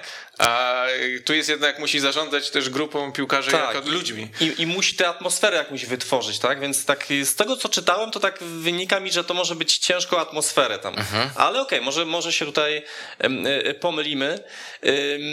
Poprzedni trener Nuno Espirito Santo trochę z w poprzednim sezonie stawiał na młodych zawodników, bo też miał wąską kadrę. Zobaczymy, czy pójdzie tą drogą e, Lasz, natomiast chyba, chyba, będzie musiał, no bo tam też tych transferów nie, nie było za, za dużo. Także zobaczymy. Jestem bardzo ciekawy właśnie nowej twarzy trenerskiej w Premier League. Wiem, że to jest też taki trener e, mocno zafiksowany na pracy, bo nigdy nie był piłkarzem on od 21 roku życia już, już, już był trenerem tak naprawdę, więc on taki mocno zafiksowany do każdego rywala podchodzi mm, jakby jak do, do osobnego meczu, w sensie może wymienić pół z drużyny, bo akurat na konkretnego rywala będzie mu e, pasowała inna jedenastka, także taki bardzo duży detalista, analityk, zobaczymy co z tego wyjdzie. No, ma takie bardzo ambitne założenia, bo sobie też trochę poczytałem właśnie jak ma to wyglądać. On chce grać wysokim pressingiem, chce grać 4-3-3, chce, jak grać, wszyscy. chce grać ofensywnie, tak. No, tak, jak filmie, tak jak w filmie Dzień Świra, ile razy w myślach osiągaliśmy wszystko. Osiągałem wszystko. No, no Espirito Santo był raczej takim bardziej pragmatycznym trenerem, takim stawiającym na wynik, a nie może na jakieś wielkie wielkie fajerwerki. No to tu ma niby dojść, w założeniu przynajmniej, mm, e, chce nowy trener z Portugalii dokonać e, zmiany stylu gry, zmiany ustawienia, więc ma to wyglądać dużo bardziej efektownie. Natomiast jak ja słyszę takie zapewnienia, biorę do tego, że to jest taki trener niezbyt doświadczony w ogóle, po raz pierwszy będzie pracował w Anglii, to tak wychodzi mi na koniec, że to może, mogą być kłopoty. I hmm. do tego też nie było za bardzo wzmocnień. Rui Patricio też odszedł taki no, mocny punkt tej drużyny, trzeba przyznać, że, że zrobił sobie niezłą markę na wyspach podczas tej, tej, tej kariery w Wolverhampton, więc dla mnie no, nie drużyna do spadku, bo myślę, że jednak choćby mając Raula Jimeneza, to on jest jakimś tam gwarantem goli. Miejmy nadzieję, też, też widziałem, czytałem, że podobno mm, jakby nie bardzo już ma w głowie, w pamięci to, co się stało, że jest takim zawodnikiem, który jest bardzo odważny w treningu, który skacze do głowy, który generalnie jakby pozostawił za sobą te, te kłopoty, ma taką specjalną, spe, ze specjalną opaską ma grać Aha. E, podczas meczów, ale E, Strzelał w sparingach, widać, że tak. jest forma. Jest, Jest, więc Tak. myślę, że na samym Jimene- Jimenezie i paru innych zawodnikach e, no jest, są w stanie raczej się spokojnie utrzymać, ale nie jest to drużyna, która tak dla mnie przynajmniej, jak sobie patrzę na to, co, jakie ruchy wykonywali, kto tam przyszedł, nawet na tego nowego trenera, to, to nie jest to dla mnie drużyna, która wtedy, kiedy weszła do ligi, no to się wtedy biła o pierwszą dziesiątkę, była w tej pierwszej dziesiątce przecież. Teraz nie bardzo bym ich tam No, widział. Raczej awansie. takie miejsce w połowie drugiej dziesiątki i powiedzmy w miarę spokojne utrzymanie. Tak, po awansie od razu było siódme miejsce awans do pucharów, więc no to było jak na Benjaminka jeszcze większe osiągnięcie niż Leeds United, To- które to też tego bym się nie spodziewał imponowało. sezonie. No przyszedł z Barcelony Trincao, wypożyczony też pewnie się będziemy mu przyglądać, ale no taki piłkarz, na którego ja liczę, to jest Pedro Neto, bo w zeszłym sezonie nam imponował rzeczywiście taki piłkarz, który ma dobre opanowanie piłki, który sporo widzi, który też gra Tak zwane pokrętło. Tak, pokrętło, podciąga akcje do przodu i, raczej nie jest kimś takim, który lubi grać, jak to mówi nasz ulubiony trener ze Stanów Zjednoczonych, pa Umbrelli. Pozdrawiam Piotra Nowaka, tylko raczej y, bliżej bramki przeciwnika. E, No i ma dopiero 21 lat, więc cała kariera przed nim. Jeżeli tutaj jeszcze wykręci lepsze liczby, to ja sobie spokojnie wyobrażam, że on kiedyś może pójść na przykład, nie wiem, do Tottenhamu, jak tam będzie Nuno Espirito Santo. Raczej nie do Newcastle, chyba że w końcu dojdzie do tego przejęcia, o którym się mówi, nie wiem, już od wielu, wielu lat, że przyjdzie jakiś bogaty szejk, kupi Newcastle i ściągnie Messiego na przykład. E, No ale na razie Newcastle nie ściągnęło za bardzo Ja nikogo. Coś, przepraszam, ja coś, tu- coś tu Właśnie, znalazłem. co- co- co- co ci Ja tam, coś tu e, znalazłem, ubiera? o, słuchaj, ale to bardzo pasuje. To No. ja wystawię notę może Newcastle. e, za, Proszę bardzo, jest A właściwie panu, panu właścicielowi wystawiam notę, właściwie nie tylko za to letnie okno transferowe, ale w Możesz ogóle za, sam za lata Park działalności. pójść. Myślę, Tak. że zyskasz wielu sympatyków, jak będziesz mówił, że to dla pana. Możemy powiedzieć tak, że dzisiaj dużo się mówi o tym, że Joey Lock może przyjść i nawet jeżeli to się stanie, to co najwyżej tylko minus będzie można usunąć z tej No tak, oceny. bo ewentualnie tak, Będzie, ewentualnie ja mogę przekręcić i będzie zero. albo będzie tak, no będzie niewiele lepiej, ale lepiej. Ale lepiej. Mówimy o Willoku, bardzo ważnym zawodniku, bez którego być może nie byłoby tego utrzymania w końcu. No bo to trzeba zauważyć, że Newcastle w takim momencie najbardziej krytycznym, no to się zebrało, zawzięło, no i potrafiło z Leicester wygrać, zremisować z Liverpoolem, z Tottenhamem, no naprawdę, naprawdę nie mieli łatwego terminarza.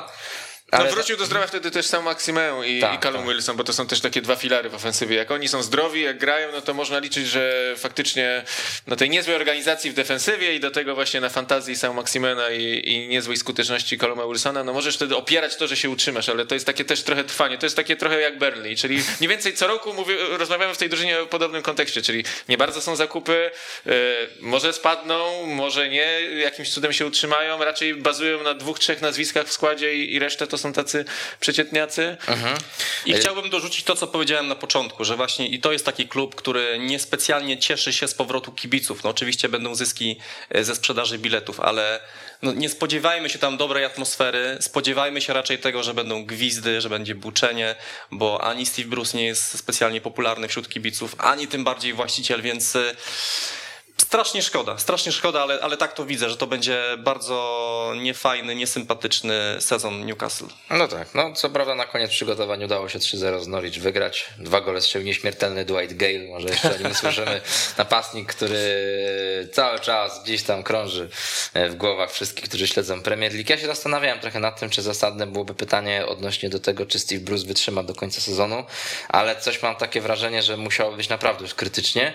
No bo chyba ten Mike Ashley tak trochę idzie na przekór i też Steve Bruce tak się zapiera. On przecież w zeszłym sezonie po tej porażce z Brighton, która była taka najbardziej znamienna 0-3, mówił, że ja lubię wyzwania, ja właśnie tym bardziej teraz tu chcę zostać, że teraz zagramy po mojemu. Jakby nie wiadomo, co to miało oznaczać. Tak, był taki moment, gdzie on E, popadł i- w konflikt z zespołem, bo kogoś tam odsunął Tak, i to wszystko tak, było tak, tak. tak. nie, no tam I- toksyczna atmosfera. I, i, generalnie. i, I no wydaje mi się, że no wytrzyma, chyba że no nie wiem, no jak w połowie sezonu gdzieś Newcastle będzie na 19 miejscu, nie wiem, może by była taka, chociaż nie, West Brom to miał trochę lepszą sytuację, ale gdyby była taka sytuacja w Newcastle, że nie wiem, w połowie sezonu jest 19 miejsce, 6 punktów straty do bezpiecznego miejsca, to wtedy mógłbym sobie wyobrazić, że Bruce odchodzi, ale i tak nie dam sobie nic uciąć.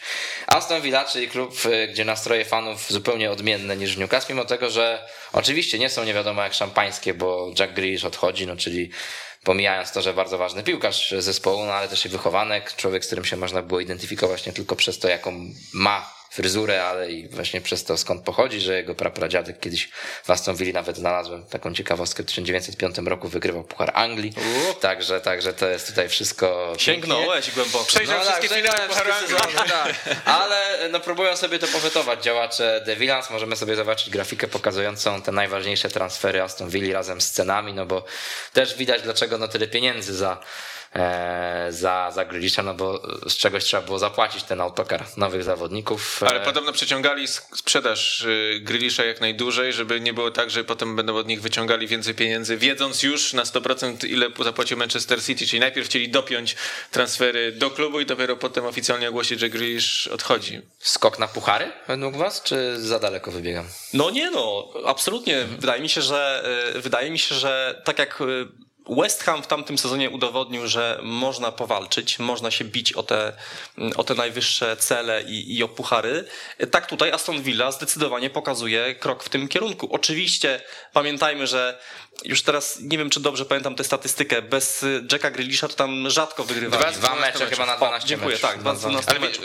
tak tylko... Więc, więc to jest taki, zobaczymy, czy jak zareagują na jego odejście, ale wydaje mi się, że nie, że to jest, że to był su, super moment, żeby puścić go dalej do lepszego klubu, zarobić ogromne pieniądze, które możesz zainwestować właśnie, tak jak widzieliśmy na grafice, w kilku naprawdę niezłych grach. Wiecie, co mnie zdziwiło? Jak sobie spojrzałem na tabelę z poprzedniego sezonu, dla mnie właśnie też Aston Villa była takim zespołem, który właśnie w tym sezonie, może w kontekście pucharów, może gry o, o top 10, oni byli dopiero na 12 miejscu. Jakieś takie miałem wyobrażenie o tym drużynie. Byli na przykład niżej niż Everton. Everton był 10, Aston Villa 12. Tak jakbyś mnie zapytał o, e, o to, jak patrzę na, Nie, na ja daję, zespół. ja daję, daję dychę za, za, za to, co się działo yy, w Aston Villa latem, tak, w sensie yy, sprzedanie Spraw- Grealisha i sprawność z, działania. pieniężmi, ale przepraszam, bo ci przerwałem. Tak, ale odszedł też e, ze sztabu trenerskiego John Terry, chyba chce iść na, chce iść na swoje e, i już pracować samodzielnie. Natomiast na pewno Aston Villa taki zespół, jeden z ciekawszych do oglądania. Jeśli ktoś chce sobie wybrać jakiś, nie wiem, zespół drugiego wyboru, na przykład poza swoim ulubionym, to myślę, że Aston Villa na pewno jest, e, jest ciekawa, ciekawym projektem. Leon Bailey z Bundesligi, też już taki zawodnik, o którym się dużo mówiło już z 2-3 sezony temu, potem trochę chyba kryzys, e, ale na pewno człowiek z dużym potencjałem, z wielką szybkością, bo też kilka meczów jego w Bundeslidze oglądałem. Lewa noga bardzo, bardzo dobra i do tego Buendia, no, ten, No to już jest w ogóle, tak. tyle No mówiliśmy. Buendia- Sama przyjemność w oglądaniu. Tak, Buendia też powiedzieć, że też taką statystykę znalazłem, która mówi o tym, że w grudniu 2019 roku on wykreował swoim kolegom w jeden miesiąc 29 okazji bramkowych i to jest najwięcej od sezonu 2003-2004, czyli momentu, kiedy tego typu statystyki są tak wnikliwie prowadzone, więc no też mówimy o zawodniku, który grał w zespole, który ostatecznie spadł, więc no to też pokazuje, że Z przodu jest Inks, jest Watkins, jest jeszcze ten Wesley, który przecież też był no wraca, tak, wraca Tak, po tak, kontuzji tak, i tak, to też dla niego ważny sezon, żeby tak przypomnieć o sobie. Słuchajcie, Martinez bramce, No, mistrz Ameryki Martinez Południowej. bramce, Minks na stoperze, czyli no zawodnik, który też przecież latem na tym Euro w Anglii, no on wskoczył za Maguire'a, kiedy były problemy. McGinn w środku pola też przecież bardzo dobry Że zawodnik. naprawdę to więc- jest bardzo jest solidna, paka, jest, paka. jest paka. Jest paka. Tak, na To jest pewno paka. ambicja ich, to żebyś w top 10 skończyć. Tak jak No, pokazywałeś to tą dyszkę. no nawet że- top 7 nawet jeszcze. No, Jest, jest Ósme nadzieja, tylko, no, miejsce. tylko no pytanie właśnie, jak to się wszystko skomponuje, bo to zawsze jest pytanie, e, bo same nazwiska nie grają, tak Dlatego mamy na razie oceniamy potencjał. No oczywiście. Tak, tak, no, w tak. każdym razie pewnie będą z Evertonem, z West Hamem. To jest taki Tak, ich, to jest ta ich mniej więcej grupa, żeby oni skończyli Ale best wiecie- of the rest. Ale to- wiecie, tak dla Dina. Smitha też na pewno takie ciekawe myśli, no bo on przecież y, zaczynał z tym klubem w Premier League, kiedy tam były mnóstwo, kiedy tam było mnóstwo problemów w defensywie, ledwo się tam przecież utrzymali w tym pierwszym sezonie, pamiętacie ten gol właśnie zresztą Grealisha chyba na West e, stadionie West Hamu, który tam ich uratował. Potem ich krytykował, nie wiem czy to Roy Keane, czy ktoś, że oni świętowali w szatni utrzymanie. Tak, tam były tak, takie to sceny. mentalność, tak, tak. No Jack Grealish też zresztą wiadomo, nie będziemy się tu długo rozwodzić, no ale ta historia wielobarwna i, i też no, miała te swoje gorsze momenty, no bo pamiętamy jak on taki młody wchodził, duże oczekiwania, a tam się kończyło gdzieś na zdjęciach, prawda, z różnymi kobietami, ja tam z kobietami jeszcze pół biedy, ale z alkoholem też. Taki, pamiętam takie zdjęcie z Teneryfy, czy z Majorki, z którejś z tych wysp hiszpańskich, gdzie on tam leżał. Tak, No leżał normalnie na chodniku. Na chodniku i spał chyba To była. Majorka. Nie, czy- albo Teneryfa. Teneryfa albo Majorka, z no i wstał z tego chodnika i dzisiaj naprawdę rozsiadł się wygodnie na fotelu, czy wręcz tronie, tak jak mogliśmy zobaczyć na tych grafikach w Manchesterze City. Dobrze, przechodzimy do Evertonu i też mamy od razu grafikę pokazującą bilans nowego szkoleniowca Evertonu, Rafy Beniteza w Liverpoolu.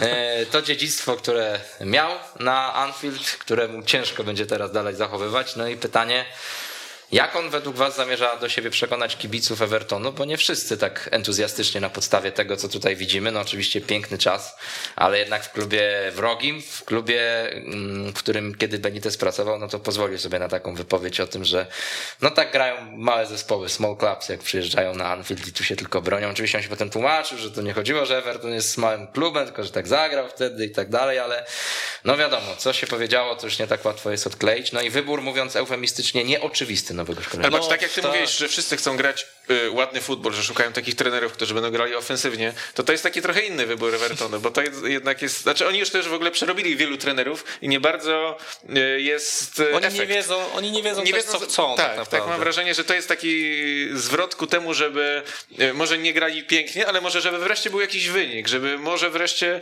e, to tak poukładać taktycznie, żeby ta drużyna była nudniejsza, ale może bardziej skuteczna, ale, e, ale na pewno no, biorąc pod uwagę, jakie tam są nakłady, to na razie można mówić o jednym wielkim rozczarowaniu w przypadku Evertonu i, i to jest jako taki... ogólnie jako o klubie, bo, bo też y, ja chciałem jedną rzecz powiedzieć, że okazało się po czasie, że zatrudnienie Carlo Ancelottiego było po prostu stratą czasu. I jedyny plus, jaki Ancelotti dał klubowi, to y, jakby rozwinął Calverta Luina. To jest teraz zawodnik naprawdę rzeczywiście solidny napastnik y, w Premier League, który pojechał na Mistrzostwa y, ostatnie Europy. Był w tej kadrze. On się, on się super rozwinął pod jego wodzą, natomiast to jest wszystko, co Carlo Ancelotti potrafił dać Evertonowi, więc szkoda tego czasu. I teraz znowu ode, odejście od, od, od tego, co Ancelotti James chce uciekać, bo powiedział, że tylko przyszedł dlatego, że jest Carlo No Ancelotti, właśnie, jak nie ma widzicie, jak to jest. to No już to nie jest budowa drużyny, tak? Że przychodzi zawodnik, który przychodzi tylko dla jednego trenera, a jak nie ma tego trenera, to już go to klub nagle nie interesuje.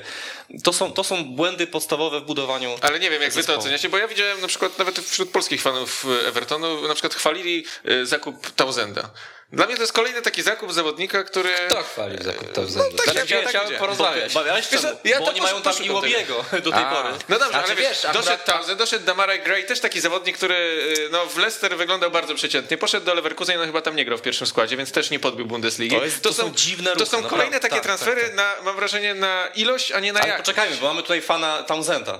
Nie, nie, nie, ja chciałem powiedzieć, że y, jeszcze bym go tak nie skreślał, dlatego że wczoraj był ten, y, wczoraj chyba, tak? Z Wellington United, co dostali w czapkę Tak. Jordan Pickford powrócił do swojej formy z klubu. Nie wiem, czy widzieliście go, jak go Nie. wpuścił. Tak. Kto, y, obrońca chciał mu zgrać głowę, on wypuścił piłkę i do pustej bramki. No, czyli zmienia bluzę i od razu się zmienia Pickford, ale Townsend trafił w poprzeczkę przynajmniej, czyli coś tam... To był największy sukces Evertonu Tak, w tym największy z Evertonu, ale nawet właśnie kibice Evertonu słychać było, że z tego swojego sektora niektórzy śpiewają tą mało pochlebną przyśpiewkę względem Beniteza, którą znamy ze stadionów o grubym hiszpańskim kelnerze, więc no y, znaczy Benitez, znaczy też y, mm, jakby czytałem, że to mm, jakby nie była rzecz, która spędzała sens powiek Moshiriemu, dlatego, że on się konsultował między innymi z Abramowiczem e, przy wyborze nowego tenera i on zapamiętał Beniteza jako takiego jednak właśnie twardego gościa, który też jak przychodził do Chelsea, no to też był wybuczany w ogóle na pierwszym meczu z Manchesterem City, nie miał tego poparcia fanów, a mimo tego ten okres jego no, był względnie Był udany. tak? Tak, Zdobył był Ligę udany. Europy, tyle ile mógł to wywalczył, no i nawet na koniec mu dziękowali,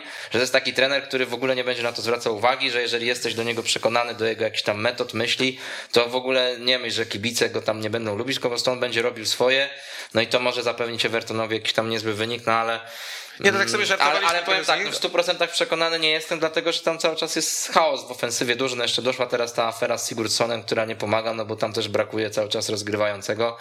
To mógł być taki piłkarz, który, który, no nie wiem, coś by dał temu klubowi, a na razie no to nie wiadomo, co z nim w ogóle dalej będzie. Ale czy oficjalnie rozumiem, że to nie jest podany Sigurdsson, tylko to się rozniosło, że to jest Sigurdsson, tak? No bo Znaczy, no- oficjalnie my chyba z nazwiska go nie No, znamy. no na Czy 100% znamy? nie mogę powiedzieć, tak, ale no przykleiło się, no jakby sam fakt afery istnieje, tak? No nie Tak, powiemy, na że pewno. na pewno Tak, tak, on to tak.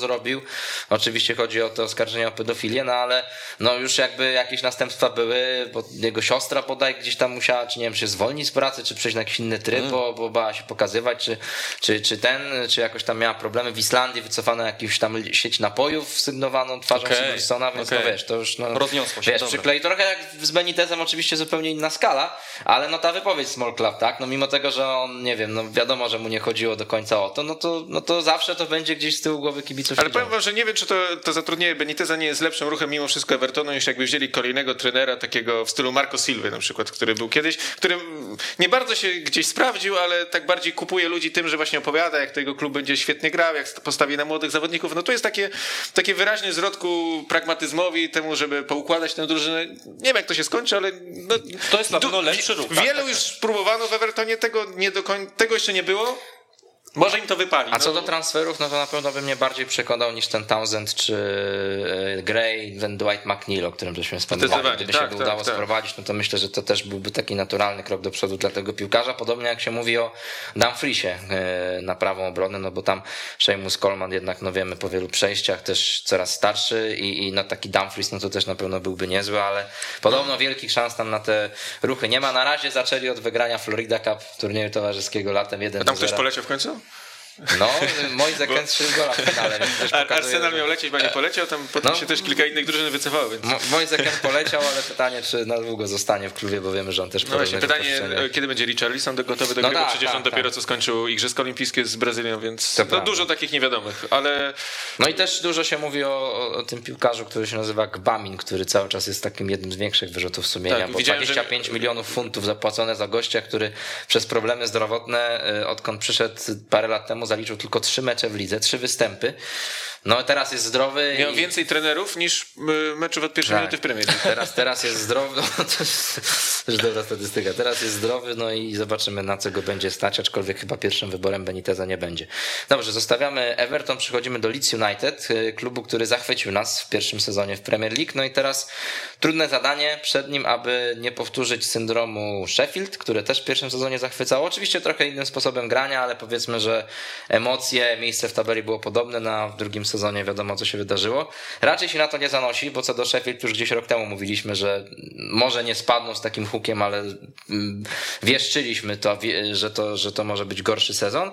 E, No tutaj pojawił się choćby Junior Firpo, piłkarz, wobec którego są niezłe oczekiwania. Oczywiście ten okres w Barcelonie nie za dobry, no ale mówi się o nim, że on jest takim ofensywnie grającym lewym obrońcą, że jeżeli dociągnie do tego defensywę, jeżeli będzie grał tak jak w Betisie, no to może być wzmocnieniem, może być lepszym piłkarzem niż Alioski, którego może zastąpić. E, Czego wy się spodziewacie po drużynie Pawi? No powtórzenia, powtórzenia tego, co było, tak naprawdę. Y, Co najwyżej, o tak. Bo mam takie wrażenie, że, Że lepiej nie będzie. że chyba lepiej nie będzie. No tak, Że sukcesem będzie to, co było. tak. Bo też pamiętamy właśnie, a propos co- z tego, co się stało z Sheffield United, że jednak był jeden bardzo fajny sezon po awansie, a potem nagle wszystko się rozsypało. Y, Tutaj tego się nie spodziewam, bo jednak jest tam Marcelo Bielsa, który... mm, Jeszcze nie, któremu- podpis- jeszcze nie podpisał kontraktu. Jeszcze nie podpisał kontraktu. To też jest śmieszne. Rok temu podpisał chyba na 24 godziny przed pierwszym meczem, więc może to jest jakiś w ogóle przesąd jego nowy i, i też dopiero podpisze w piątek. Natomiast y, tak, wydaje mi się, że to już to na razie jest taki poziom, którego ta drużyna nie przeskoczy. Też widzimy to po transferach, że raczej jest, y, starają się utrzymać to, co mają. Po prostu jeden piłkarz uciekł, więc trzeba go zastąpić innym, ale nie ma takiego y, teraz wzmacniania na siłę, że my tu potrzebujemy tego, tego, tego i tamtego piłkarza, tylko to ma być taka stabilizacja, utrzymanie tego, co, tego, co było w tamtym Na sezonie. pewno mają za dużo dobrych piłkarzy, jak Calvin Phillips, jak Rafinha. e, Jack żeby- Harrison teraz wykupiony też już Jak lata. Patrick Bamford, żeby się martwić o to, żeby nie spaść. Znaczy, nie spodziewam się, żeby oni w ogóle byli zamieszani w walkę o, o utrzymanie. Byłoby takie duże negatywne zaskoczenie e, dla mnie. Natomiast no, też raczej nie ma co ich rozpatrywać w kontekście nie wiem, awansu do, do top 6 i, i bicia się o europejskie puchary. Jeśli w drugim sezonie ponownie też, no, to już jest kolejny rok pracy Marcelo Bielsa, nam się ta grupa jakoś bardzo nie zmieniła. Też te jego wymagania są ogromne, więc e, też jestem troszkę zaskoczony, że jednak trochę świeżej krwi nie zostanie. No, mówiłeś o Firpo, ale to jest jeden zawodnik, więc tam troszkę wię- więcej świeżej krwi nie zostanie wpuszczone, no bo jednak jak cały czas pracujesz bardzo, na bardzo wysokich obrotach z taką dosyć e, mniej więcej tą samą grupą ludzi, no to być może tam może dojść do jakiegoś takiego albo wypalenia fizycznego, albo też no generalnie takiego wypalenia tej, tej współpracy, więc może jeszcze przed końcem e, okna transferowego dojdzie tam jeden czy dwóch e, piłkarzy, ale to, że utrzymali, przynajmniej na teraz, Philipsa, to też jest na pewno duża, duża wartość. Jest też Stuart Dallas, który wszędzie może zagrać, gdzie będą go tylko potrzebowali, więc no, na pewno mają za dużo dobrych zawodników, żeby, żeby martwić się o to, czy, czy pozostaną w tej lidze, ale, ale myślę też, że za mało, ale może to też dobrze, że nie szaleją, bo to takie drużyny, które na siłę chcą, Everton jest trochę taką drużyną, która na siłę musi sprowadzić, kogoś kupić, bo my chcemy być wyżej i, i szaleją i, i na, na nic dobrego im to nie wychodzi. Niech to Leeds zna swoje miejsce, ale to miejsce myślę, że jest w okolicach tak właśnie 10-11 miejsca miejsca, jak to powtórzą, to, to będzie fajnie. Dwa słowa o Klichu powiemy z całkiem skutecznych sparingach, dwa gole, no i chyba zapowiada się, że taki kolejny sezon stabilizacji dla niego. No to wychodzi. Był ważnym piłkarzem u Bielsy. Przez chwilę stracił to miejsce, no ale też przyznaję, że był zmęczony, że stracił formę. Teraz y, przyznaję, nie oglądałem, nie miałem okazji oglądać żadnego sparingu Leeds, natomiast poczytałem sobie, co, co o nim mówią kibice, co o nim piszą kibice w mediach społecznościowych i wszyscy są po prostu nim zachwyceni, że, że jest po prostu niezastąpiony, że wrócił ten stary, dawny y, klich, także tylko wypada się cieszyć. Mhm. No jestem też ciekaw takiego piłkarza jak Rodrigo w tym sezonie, no bo to cały czas taki bardzo duży transfer, nie wiem czy nie rekordowy wręcz list przed tamtym sezonem reprezentant Hiszpanii, który no, miał ten rok na okrzepnięcie i bliżej końca mam wrażenie wyglądał lepiej. No i teraz przed nim ważny, ważny test, no i zobaczymy też jaką twarz zaprezentuje Leeds, czy bardziej tą z pierwszej części sezonu rozrywkową, czy z drugiej, kiedy no jednak już tracili bardzo mało goli i też nam to imponowało. E, Okej, okay, Arsenalu teraz porozmawiamy chwilę, e, zespole, który no też cały czas o wysokich aspiracjach, wielkich ambicjach, też wielkich transferach wielomilionowych Ben White. Czekam aż Arona Ramsdale'a kupią za 40 milionów. Słuchaj, A to moje pytanie... ostatniego dnia okna transferowego. Moje 45 wtedy wezmą, bo to już będzie, wiesz, trzeba szybko, szybko. Moje pytanie brzmi, czy to, że odszedł Dawid Luiz, a przyszedł Ben White, oznacza, że nadchodzą lepsze deal dla kanonierów, czy, czy nie sprowadzamy tego tylko do tego, nie, że... Pytanie, co dla ciebie oznacza lepsze dni? No pewnie to jest wzmocnienie, tak jakbyśmy sobie porównali Bena White'a do Dawida Luiza, to myślę, że kibice Arsenalu to, to kupią i wezmą, natomiast na 50, raczej inaczej, to pewnie nie jest zły transfer generalnie, tylko pytanie na ile Arsenal, który nie ma za dużo pieniędzy, przynajmniej tak teoretycznie się wydaje, chociaż tych zawodników włączonych z Arsenalem to jest mnóstwo.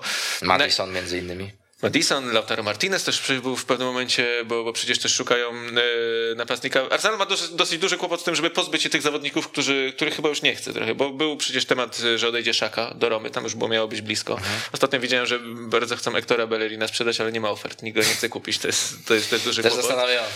Everton może, no jak jest... szuka, to byłby taki akurat. Tak, tak, tak, oni skupują wszystkich jak leci takich piłkarzy. E, natomiast no myślę, że nie dokonano tam takich na tyle zmian, żeby myśleć o tym klubie w, w kontekście czołowej czwórki, też taki Pewnie sezon prawdy trochę dla Mikela Artety, bo jeśli no, teraz nie będzie wyniku, a moim zdaniem nie będzie, nie będzie czołowej czwórki, a to chyba jest taki jedyny wynik, który mógłby naprawdę ten klub pchnąć Bo już nie ma Ligi kierunku. Europy, którą można ewentualnie Nawet wygrać. nie ma Ligi Konferencji przecież, bo, no tak. a też tam przecież do, ostatnich, e, do ostatniego chyba meczu sezonu teoretycznie mogło się to, e, to udać, chociaż nie wiem, czy w tym przypadku widziałem, że Rob Holding takiego wywiadu udzielił, że bardzo dobrze, że nie będą grali w pucharach, teraz się skupią na lidze i w ogóle będzie super, ale trochę... No tak, bo tam też podaje się przykłady Chelsea czy Liverpoolu, które miały takie sezony, kiedy nie grały w ogóle w pucharach, a potem Mają całej... ciężki terminarz, szybko dostają Manchester City, szybko grają z Chelsea, więc tam już może być gorąco w okolicach września, wiadomo, że kibice już tacy sfrustrowani. Pierwsza jeśli... przerwa reprezentacyjna.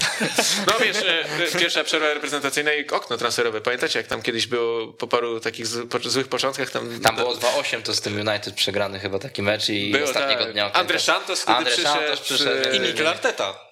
Tak, tak, tak, tak, tak, tak, tak, tak, Per Mertesacker tak, i jeszcze taki park koreańczyk, chociaż Park Chuyong. Tak, był taki. on został tam chyba podwędzony, jakimś Lil miał go kupić, a Arsenal go ukradł, tam prawie on jeszcze by tym Lil był i oni go tam wzięli z tego Lili i wsadzili w pociąg. Co za czasy, panie kolego.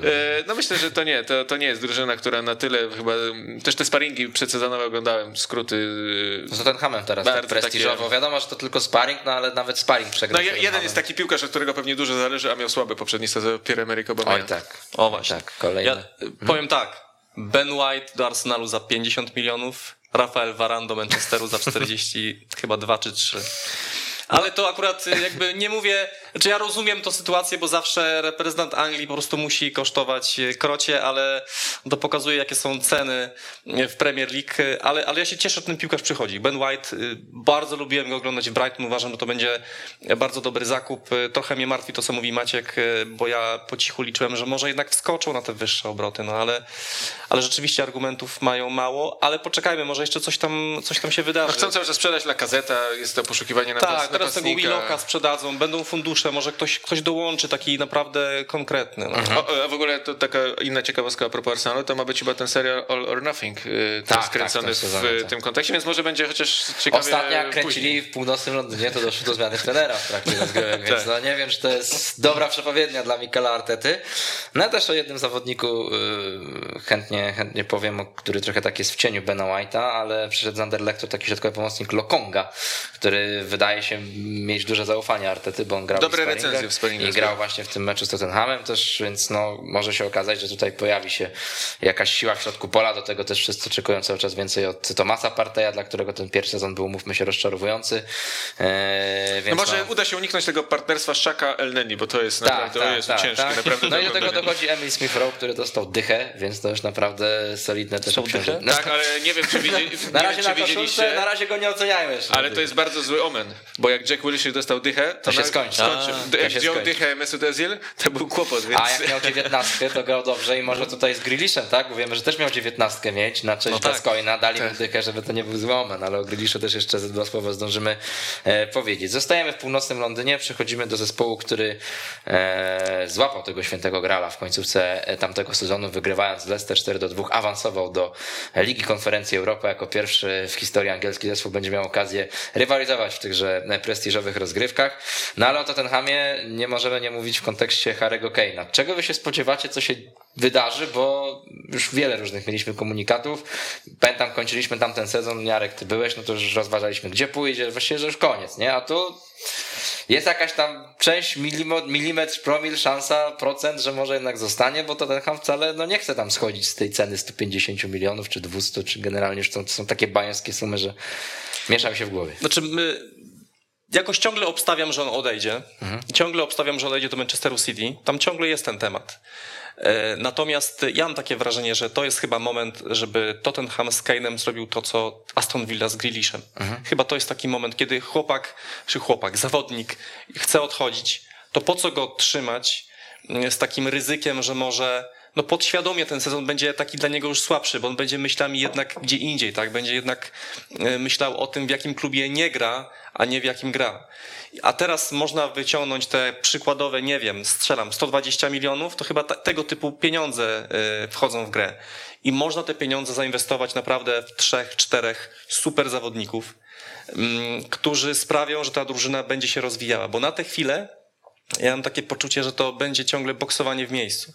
I, i, i tak jak już mówiliśmy, to, to Nuno Espirito Santo nie był trenerem pierwszego wyboru, nie był nawet czwartego wyboru, więc to jest takie, że z drugiej strony teraz pozbywanie się Keina w takiej sytuacji, kiedy kibice i tak są zniechęceni, bo, bo widzą trenera, którego wcale nie, nie chcieli, e, bo woleli Nagelsmana i jeszcze paru innych. Em, ale chyba to jest taki moment, że dać Kane'owi odejść i, i te pieniądze po prostu dobrze wykorzystać. Tym bardziej, że masz, zostaje ci Son, który też jest jednak zawodnikiem, który i asyst, i goli dostarcza. Jeśli masz no właśnie 120-130 milionów e, funtów, to, to jest naprawdę taka suma, za którą spokojnie można sprowadzić i napastnika, i do tego jeszcze, nie wiem, kreatywnego, środkowego pomocnika. Dlatego myślę, że należy to przeciąć, bo to będzie, no, nawet jeśli teraz uda im się, udałoby się utrzymać, to ten temat i tak prawdopodobnie powróci, bo Tak. chyba nikt z nas się nie spodziewa, że nagle Tottenham zagra wielki sezon i nie wiem, skończy jako drugi wicemistrz Anglii. I, więc jeśli nawet teraz utrzymasz Kane'a, to co zrobisz za rok? Za rok mniej więcej wróci ten sam temat i znowu będzie się to To ciągnęło. będzie zmarnowany rok. Dokładnie, więc yy, ale Daniel Lewy chyba tak nie myśli. No nie, raczej nie. Chyba, że obejrzy i zmieni zdanie. No, Natomiast to przetłumaczę jeszcze. Daniel! Daniel, ty fajny chłopak jesteś, ale musisz trochę tam popracować. A wiecie, a jakby się udało sprzedać Kane'a i, i kupiliby Lautaro Martinarza, którego chciał Arsenal, to może i kibice się trochę ucieszyli, A. bo, że wzięli kogoś, Utarli kogo chciał Ar-. Arsenalowi, więc może na koniec by jeszcze... To tak, jest- to jest stratek. Daniel, Daniel, zobacz, this to jest is dobry your man, this is I, your man. I potem będzie y, za dwa dni później We'd like to announce Maciej Luczak, head of director. Director of football. Director of football, no, to, to piękna, piękna funkcja. No ale na razie powiedzmy, że tych transferów do ofensywy jakichś fantastycznych nie ma, chociaż przyszedł Brian Hill. Taki piłkarz, po którym też nie wiadomo do końca czego się spodziewać. On jest uważany za duży hiszpański talent. E, W Eibarze grał w ostatnim czasie, no tam spadł z ligi, no ale też wcześniej w Sewilli miał okazję się zaprezentować. Taka transakcja wiązana, no bo do Sewilli poszedł Eric Lamela, z którym no też trochę tych przyjemnych wspomnień kibice związanych mają, zwłaszcza... Dwa. Dwa wspomnienia. No, dwa piękne gole, tak, dwa piękne gole. No ale do obrony przed Cristian Romero i tutaj jestem ciekawy bardzo tego zawodnika, bo on w Atalancie się wyróżniał na poziomie Serie A. Mówiło się o nim, że jest takim dzikiem, walecznym, mnóstwo odbiorów, e, mnóstwo przechwytów i, i no to jest rzeczywiście, jeżeli on spełni oczekiwania, no to transfer, którego Tottenham potrzebował, bo po pierwsze odszedł Alderweireld, więc tak klasycznie no trzeba było po prostu na sztukę, ale też i jakości tam brakowało w tej defensywie w ostatnim sezonie, więc no... Brakowało takiego lidera tam troszkę, takiego kogoś, e, bo tam mieszany były, teraz grała taka para, raz grała inna, generalnie tych konfiguracji mnóstwo było w środku obrony i brakowało kogoś takiego, kto będzie wiadomo, jak on gra, on za to odpowiada, on jest liderem, no... Różnie tych obrońców Premier League weryfikowała, bo to, że ktoś przyszedł za dużo pieniędzy i grał dobrze w innej lidze, to nie zawsze oznaczało w Premier League, że on sobie radził, no ale to no, musi liczyć na to, że będzie dobrze. Zobaczymy. No też ciekawe, co z Delalim będzie, no bo dla niego też chyba taki ważny sezon w końcu. Bez tego Mourinho strasznego i tutaj Espirito Santo chyba chce z niego uwalniać jakiś potencjał. Matt Doherty może zyska. Bo o, wahadłowy będzie tak, pewnie, tak, tak, pewnie tak. grał, znają się zresztą z Wolverhampton. A, a co do Ligi Konferencji Europy, no to na razie poznali potencjalnego rywala w czwartej rundzie kwalifikacji. Będzie to zwycięzca pary Pacos de Ferreira kontra Larn z Irlandii Północnej, także no prawdopodobnie Szanse są. portugalska wyprawa sentymentalna czeka Nuno Espirito Santo do swojego kraju ojczystego. West Ham, ekipa, która też zagra w pucharach i to dla nich akurat jest e, no coś niezwykłego bardziej niż dla Tottenhamu, no bo w tym wieku, tak jak zresztą tutaj widzimy, po raz dopiero e, czwarty będą mieli okazję rywalizować. No i od razu od fazy grupowej w Lidze Europy, więc to też jest pozytywna wiadomość. Nie będą musieli się przebijać przez kwalifikacje z jakąś tam Astrą Giurgiu czy z kimś takim, bo jeszcze by odpadli. E, no ale nie za dużo się działo, mam wrażenie, latem w West Hamie. Oczywiście dobrze dla nich, że utrzymali Declana Rice'a i tam też czytałem takie są doniesienia, że e, on jakoś wybitnie się nie zmartwi, gdyby się miał jest jeszcze okazać, że, tym, tak, że tak. jeszcze sezon spędzi. On ma 22 lata, więc no spokojnie też jeszcze mu się nie spieszy, a West Ham tam krzyknął podobno 90 milionów funtów, więc no znowu dzień dobry się kłaniają te angielskie ceny za angielskich reprezentantów. No ale brakuje nadal napastnika, też nikogo nie sprowadzili, cały czas gdzieś krąży wokół temat Tabiego Abrahama między innymi, no ale też Chelsea za niego nie chce mało, bo 40 milionów. No i mają tylko Michaela Antonio, to może być jakiś tam potencjalny kłopot. No mają więcej bramkarzy niż napastników obecnie chyba w kadrze, odkąd czterech chyba tych Areola tak. przyszedł. No bardzo taka wąska kadra jak na to, że mają grać właśnie w Lidze Europy. Tak, e, widziałem taki no, humorystyczny, nie, nie wiem gdzie to czytałem, ale e, że skoro już wynaleziono szczepionkę na, na COVID, to teraz mogliby dla West wynaleźć szczepionkę na te, na dwugłowe uda Michalia Antonio, bo on co chwilę jest kontuzjowany i przy tych sprintach e, się że zrywa wszystko, zrywa wszystko co, co może. Bardzo dużo meczów opuścił w poprzednim sezonie i tak nie bardzo właśnie jest dla niego zastępstwo, dlatego jeśli liczą na to, że po pierwsze dobrze pójdzie w pucharach, a po drugie dadzą pogodzić puchary z ligą i będzie to wyglądało tak fajnie jak, e, jak w poprzednim sezonie, no to jest tam potrzebny napastnik tak w trybie przyspieszonym. Natomiast e, życzyłbym sobie, żeby West Hamowi dobrze szło, bo tak e, przypominam sobie, jakie były wielkie nadzieje związane z tym klubem, kiedy się przenosili na nowy stadion. I na tym nowym stadionie, dopóki byli kibice, to no to były jakieś protesty, tam nawet do jakichś zamieszek chyba w pewnym mhm. momencie doszło, tam kibice chcieli wbiec, czy tak, tak, wbić tak, na czyli... takie loże dyrektorskie i tam Dokładnie. się rozmówić z, dy, z dyrektorami właśnie. Natomiast odkąd kibice zniknęli, no bo, bo nie można było chodzić na, na, na mecze, to temu West Hamowi zaczęło iść lepiej.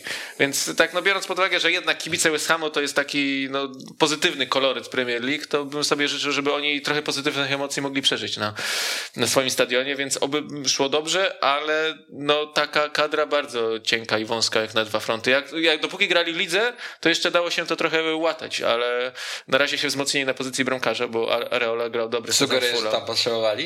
Nie. Właśnie, właśnie to, jest, ten paradoks, że nie potrzebowali. No właśnie nie potrzebowali, a, a tam się wzmocnili, a tam gdzie potrzebują, to tak nie bardzo, więc no trochę zaczęli nie od tego, co trzeba. No właśnie ciebie, Jarek, chciałem zapytać o przyszłość Łukasza Fabiańskiego. No dlaczego bo... mnie? A tak wyszło, no bo Maciek już powiedział. Może chcę zapytać dla, o przyszłość w kadrze, dla, tak zwanej, dla tak zwanej czystości fonii. E, no wiemy oczywiście, co się wczoraj wydarzyło, no komunikat o końcu kariery reprezentacyjnej. Wybitnie zszokowani nie jesteśmy, no bo wiemy, że już ostatnio no takie były konkretne deklaracje ze strony Paulo Souzy, że będzie grał Szczęsny. Fabiański pojechał na Euro, ale z ławki się nie podnosił. Też już jest zawodnikiem doświadczonym, więc no jakby rozdział reprezentacyjny wiemy, moglibyśmy o nim dużo mówić, ale e, w West Hamie spodziewasz się takiego trudnego trudniejszego sezonu, że tutaj, no nie wiem, jeden, dwa błędy i po to jest Areola sprowadzony, żeby za niego, nie wiem, wskoczyć w takiej sytuacji, czy, czy Może nie? może nie na zasadzie, że y, Mois jakby obawia się o błędy Fabiana, tylko o jego zdrowie, bo też Mhm. wiemy, że, że w ostatnich sezonach były takie sytuacje, kiedy Łukasz wypadał na kilka meczów z powodu kontuzji i, i był potrzebny godny zastępca, a, a nie specjalnie był w kadrze zespołu, więc y, więc myślę, że bardziej o to chodzi, ale rzeczywiście nazwisko takie solidne i, i to jest bramkarz, który naprawdę poprzedni sezon no w tym Fulham właśnie Pewnie będzie grał też w Lidze Europy. a możliwe, Może to jest tak właśnie, możliwe. że była rotacja, żeby Fabiański Tak, nie musiał potem- grać wszystkiego, nie? I potem być może miał, ma obiecane, y, słuchaj Areola, ty będziesz ten sezon tak jeszcze rotowany, ale pamiętaj, że za rok Łukasz Fabiański wygasa mu kontrakt. Nie wiemy, czy go przedłuży, być może już nie, być może już sobie damy z nim spokój, albo on sobie z nami da spokój i wtedy wskakujesz na stałe. Być może była taka zawarta umowa, póki co raczej chyba jesteśmy spokojni o to, że Łukasz y, rozpocznie sezon w pierwszym składzie. No będzie im chyba brakować też Lingarda, no bo wszystko wskazuje na to, że Ole Gunnar Solskjaer opromieniony tym cudownym półroczem Lingarda właśnie w barwach młotów chyba zamierza mu jeszcze dać kolejną szansę i, i na pewno no Manchester może na tym skorzystać, ale młoty już nie i e, no też ciekaw jestem tej kwestii motywacji, no bo tutaj jednak no mówimy o West Hamie, który no w jakimś tam psychologicznym sensie mógł osiągnąć swój szczyt. Wielu piłkarzy podejrzewam na początku tamtego sezonu na- nie śniło nawet za bardzo o tym, że może to się skończyć grą w pucharach, czy, czy pytaniami o Ligę Mistrzów i to nie będzie science fiction, a tutaj no jednak trzeba znowu wyjść na to boisko, trzeba no sportowa, dusza sportowa podpowiada, żeby jeszcze lepiej, jeszcze mocniej, jeszcze No dlatego e, przydały, celniej przydałoby i- się właśnie i- dwóch, trzech i- nowych i zawodników, i którzy by tak... też ciekawe wyzwanie psychologiczne przed Moisem albo przed dyrektorami, żeby sprowadzić jakiś nowy gracz. Leicester też trudny dla nich sezon psychologicznie po tym, co się stało w dwóch ostatnich sezonach, w dwóch ostatnich latach, jeżeli chodzi o Premier League, no ale ostatni rok był powiedzmy o tyle łatwiejszy, że udało się w końcu coś wsadzić do gabloty, no bo zasłużenie wygrany finał Pucharu Anglii teraz też zdobyta tarcza wspólnoty zawsze to e, pomaga. No i jak mówimy o Leicester, no to co, patrzymy od razu na koniec terminarza, cztery ostatnie mecze, zapisałem sobie Tottenham, Everton, Watford i Southampton. Jak oceniacie ten kalendarz? No ja myślę, że... będzie już y, w Championship. Ale wiesz, e, wiesz jak... To dlatego idealny scenariusz, żeby akurat To Leicester. idealnie by pasowało, żeby właśnie zabrali Leicester Ligę Mistrzów, już taki Watford, który, który, który jest spadł. Championship, tak. E, Natomiast e, na pewno drużyna, która po pierwsze się nie osłabiła, znaczy osłabiła ją kontuzja Fofany, natomiast e, zatrzymali Tillemansa na ten moment, zatrzymali Ndidiego. Ndidi zagrał fantastyczny mecz teraz w meczu o, o tarczę wspólnoty, naprawdę świetnie się, się tego zawodnika e, oglądało. Do tego dołożyli Patsona Dakę e, do, do ataku, więc... e, 27 goli w 28 meczach w tamtym sezonie w lidze austriackiej. Podobno taki napastnik troszkę w stylu Wardiego, który lubi wybiegać za, za linię obrony, trochę. troszkę się tam pościgać. E, No wiadomo, że Wardi młodszy nie będzie, na pewno trochę tak jak z Fabiańskim, czyli to raczej Wardi będzie miał miejsce w składzie, a- Daka będzie raczej tym wchodzącym, tudzież może gdzieś tam wspierającym, gdy, gdy trzeba będzie gonić wynik, albo po prostu tak uzna Brendan Rodgers, że, trzeba troszkę zmienić e, taktykę. No, pytanie jest też bardzo ciekawe, e, jak Kaliczy i Henacho sobie poradzić, czy, czy poradzić. Czy on będzie trzymał tę wysoką dyspozycję, którą miał w poprzednim sezonie, bo naprawdę mnie bardzo zaskoczył. Dla mnie to był taki zawodnik trochę, który ciągnął się trochę na nazwisko, na tym, że był w Manchesterze City, taki trochę miał niewiele atutów, a tu no bardzo skuteczny i naprawdę świetny, świetna druga część sezonu. I na pewno, jeśli byśmy szukali gdzieś kłopotów tej drużyny, no to środek obrony w tym momencie, bo wypad Fofana, no duże kłopoty zdrowotne ma jednak Evans. To jest jednak taki zawodnik już chyba, który nie jest w stanie zagrać całego sezonu bez urazów, albo nie wiem, nie jest w stanie grać dwa razy w tygodniu, yy, więc yy, tutaj no są, jest wąsko u nich, yy, no ale mówiliśmy, że może Tarkowski, może Westergaard, ale na pewno taka drużyna, która o pucharach może marzyć, tak są na pewno ich celem, choć e, przy tym jak się powzmacniały pozostałe drużyny, te czołowe, czołowe, to już w grze o Ligę Mistrzów za bardzo ich tak e, nie widzę. To raczej piąte, szóste miejsce przed Arsenalem, może przed Tottenhamem, ale myślę, że, że mogą być troszkę za krótcy na to, żeby, żeby znowu się bić tak realnie o Ligę Mistrzów i żeby ten Watford im w przedostatniej kolejce ją zabrał. Jeszcze na horyzoncie jest prawdopodobne odejście Madisona, prawda? Bo to też się o tym mówi, że jak, jak Arsenal sprzedał Willoka, będzie miał fundusze, to będzie jeszcze mocniej nabi- na, nalegał o to, żeby Leicester sprzedało. 70 milionów tam chyba Nawet? wchodzi. 70? No, czy tam o 60, ale nie zdziwiłbym się, jakby było 70. No panowie, Aaron Ramsdale 40 milionów z Sheffield. Nadal będę Ciągle tego... pamiętamy. Ja, wiecie, bo nie ma w Arsenalu rezerwowego bramkarza, że tak tego wrócimy. A podejrzewam, że y, cena skoczyła o 10 milionów tylko dlatego, że Ramsdale na euro pojechał. No. To też było jednym z ciekawszych, prawda, w ogóle wyborów y, y, Garetha Southgate'a. Ja tak sobie tutaj y, troszeczkę sprawdzałem na telefonie y, skład uczestników zbliżającego się Pucharu Narodów Afryki. Patrzę, patrzę sobie. Jest Nigeria i to o tyle też wszystko istotne, że no, w styczniu mogą wyjechać Jana czy Didi. No i dobrze by było, że Pat Sandaka, którego akurat reprezentacja, czyli Zambia, nie gra, e, żeby do tego czasu już rzeczywiście się zaaklimatyzował, no bo wtedy on może być wyjątkowo potrzebny w tym styczniu. Taki ciekawy też e, Bobakar Soumare Jest, e, tak. zjawił się do środka pola, wszedł na kilkanaście minut w meczu z Manchesterem City i to widać, że to jest taki, no taki zawodnik dobrze przygotowany fizycznie, który dobrze gra w odbiorze, który lubi się poprzepychać w drugiej linii. Trochę inny typ niż Didi, bo Didi bardziej jest taki mniejszy, taki filigranowy, natomiast e, no, tak z, e, mistrza Francji, tak, z Lille, Tak. więc, więc też ciekawy zawodnik, którego pewnie warto obserwować. Ja sobie zapisałem też specjalnie imię, nazwisko tego brutala z wiary, ale jak można w sparingu tak wchodzić? yy, Jak się nazywa? Fernino. Fernino. To naprawdę to nie żaden Nino, tylko to jest Loco. To jest Loco i no szkoda naprawdę, bo ja rozumiem wszystko, ale tego już nie rozumiem, żeby w sparingu tak wchodzić i no będzie nam brakowało na pewno Przynajmniej do Fofana. przyszłego no, do roku. przyszłego roku przynajmniej. Jak nie dłużej, no, i, jak i nie dłużej. zobaczymy, jak to będzie się układać. Chelsea, przechodzimy już do czołowej czwórki. E, zespół e, Tomasa Tuchela, który no myślicie, że po zdobyciu Ligi Mistrzów zaatakuje teraz mistrzostwo? Taki to jest cel? Tak to widzicie? Oczywiście. Tak, to, to, to musi, musi być naturalny ruch. E, Tu nie ma tak, że teraz Roman Abramowicz powie, dobra, Tomas, mamy Ligę Mistrzów, to teraz masz kilka lat spokoju, czy co najmniej rok spokoju. Nie. To musi być naturalna konsekwencja zdobycia Pucharu e, Mistrzów. Jeśli będzie Lukaku, a wszystko na to wskazuje, No że właśnie, here we go się, będzie. że tak, że będzie. że I to tam kolejna jakaś zawrotna suma, chyba niecałe 100 milionów funtów, tak? 98. 97,5, co, coś w tym stylu. No, ale, możemy ale zaokrąglić. wiem, Dla ale, równego rachunku możemy zaokrąglić. ale też wiemy, że raz, że na biednego nie trafiło, a dwa, że no tu się kupuje już naprawdę jakość. To, to jest fan, ja, ja jestem wielkim fanem Lukaku. No powiem tak, że to jest mają wielką wyrwę, bo odszedł Olivier Giroud. Trzeba to jakoś załatwić, nie ma innej No tak, tak. Tak Musimy jest, podrzucić tak twój numer kolega od programu do Ligi Włoskiej. Myślę, że też będziesz tym Zapraszam, zapraszam. niezłym ekspertem od Milanu. Tak, Olivier, a Olivier Giroud chyba za 900 tysięcy sprzedany, więc no dziewiątka się zgadza. Chyba półtora miliona funtów. A, no chyba dobra, chyba okej. ciut więcej. Po to przedłużyli kontrakt, żeby tam jednak coś jeszcze zarobić na nim. E, więc tak, no to tu jest jakby Lukaku, jak będzie takim, no bo my cały sezon tu przecież spotykaliśmy się i mówiliśmy, że no tego napastnika brakuje Chelsea. No to będą mieli jednego z najlepszych napastników na, na świecie i, i, i, i mając takiego zawodnika, a wiedząc jak dobrze grają w tyłach, jak tam generalnie wszystko w tyłach y, dobrze funkcjonuje, bo to jedna z najlepszych y, defensyw poprzedniego y, sezonu.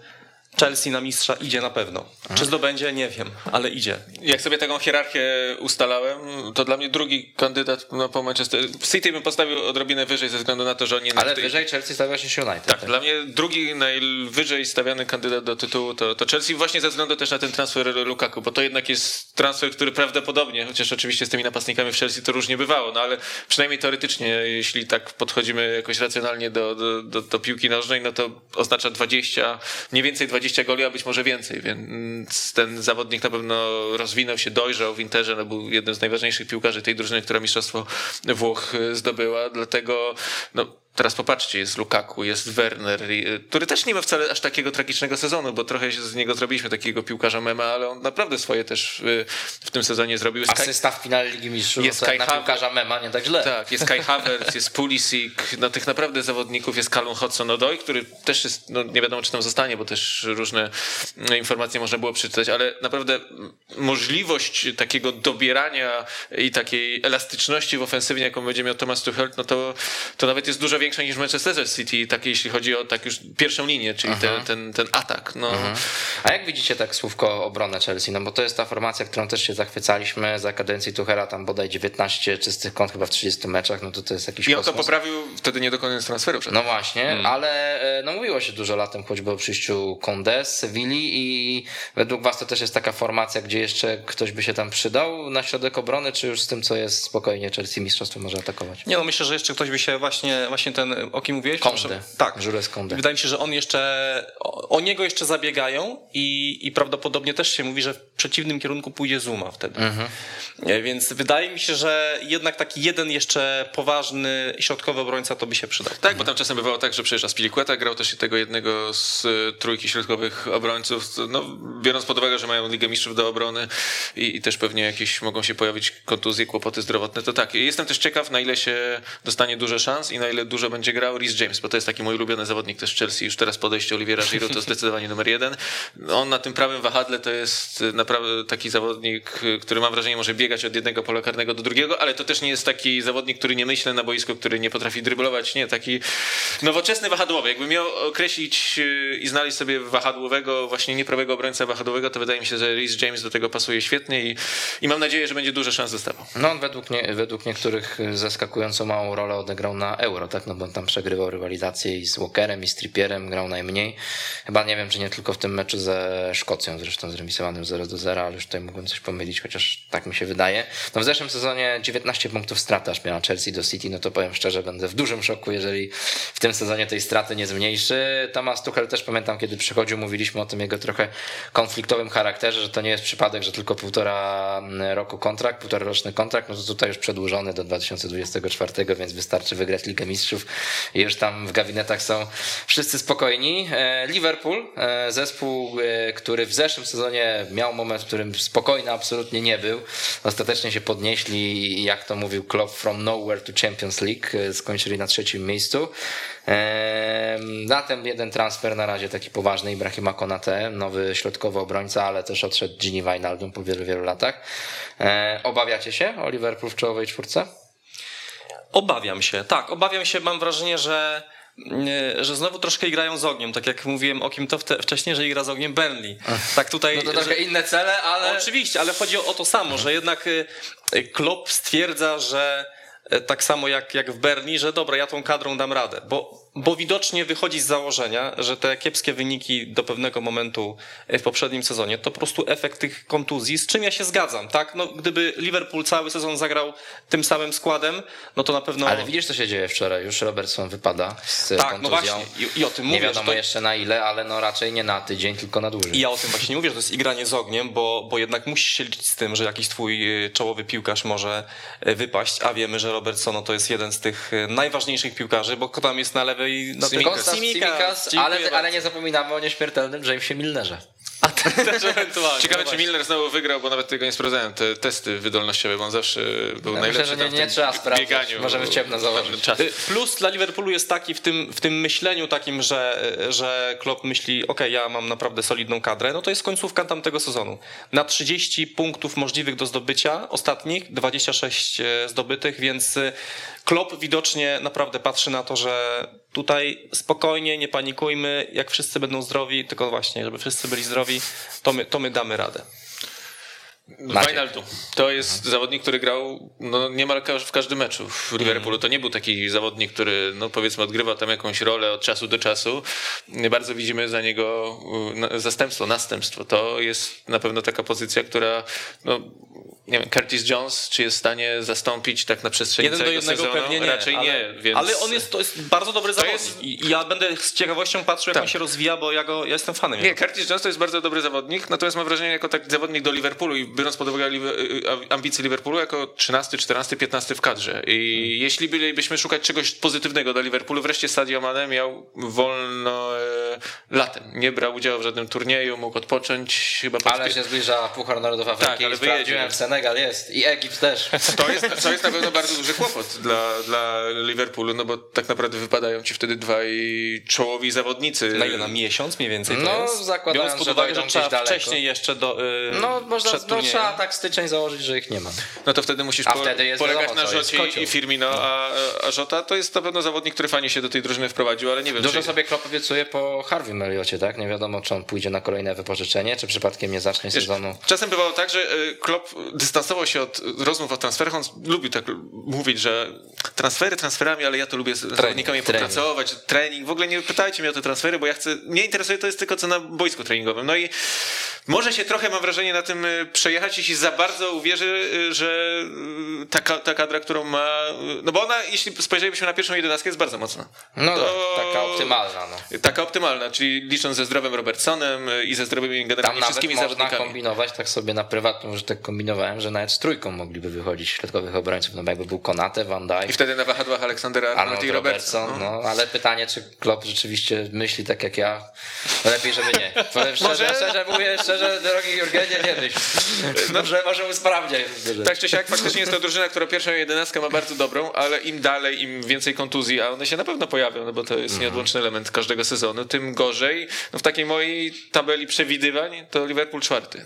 Jednak e, w Lidze Mistrzów, w strefie Ligi Mistrzów, ale, ale za Manchester United, o którym pewnie też sobie porozmawiamy. No tak, tak. No, co do Liverpoolu, no to dwie rzeczy. No Konaty mimo wszystko wydaje mi się, że no jeden transfer mało, ale taki rzeczywiście dobry. No jeżeli to jest piłkarz, który uniknie znowu kontuzji, bo on miał ich sporo w Lipsku, no to i szybki, i taki z dobrym doskokiem. Tam jeszcze No i Van Dijk wrócił, to jest pewnie No i Van. Dijk, tak, no to to jest taki ten transfer, no Klopp to uznaje za transfer i trudno się dziwić.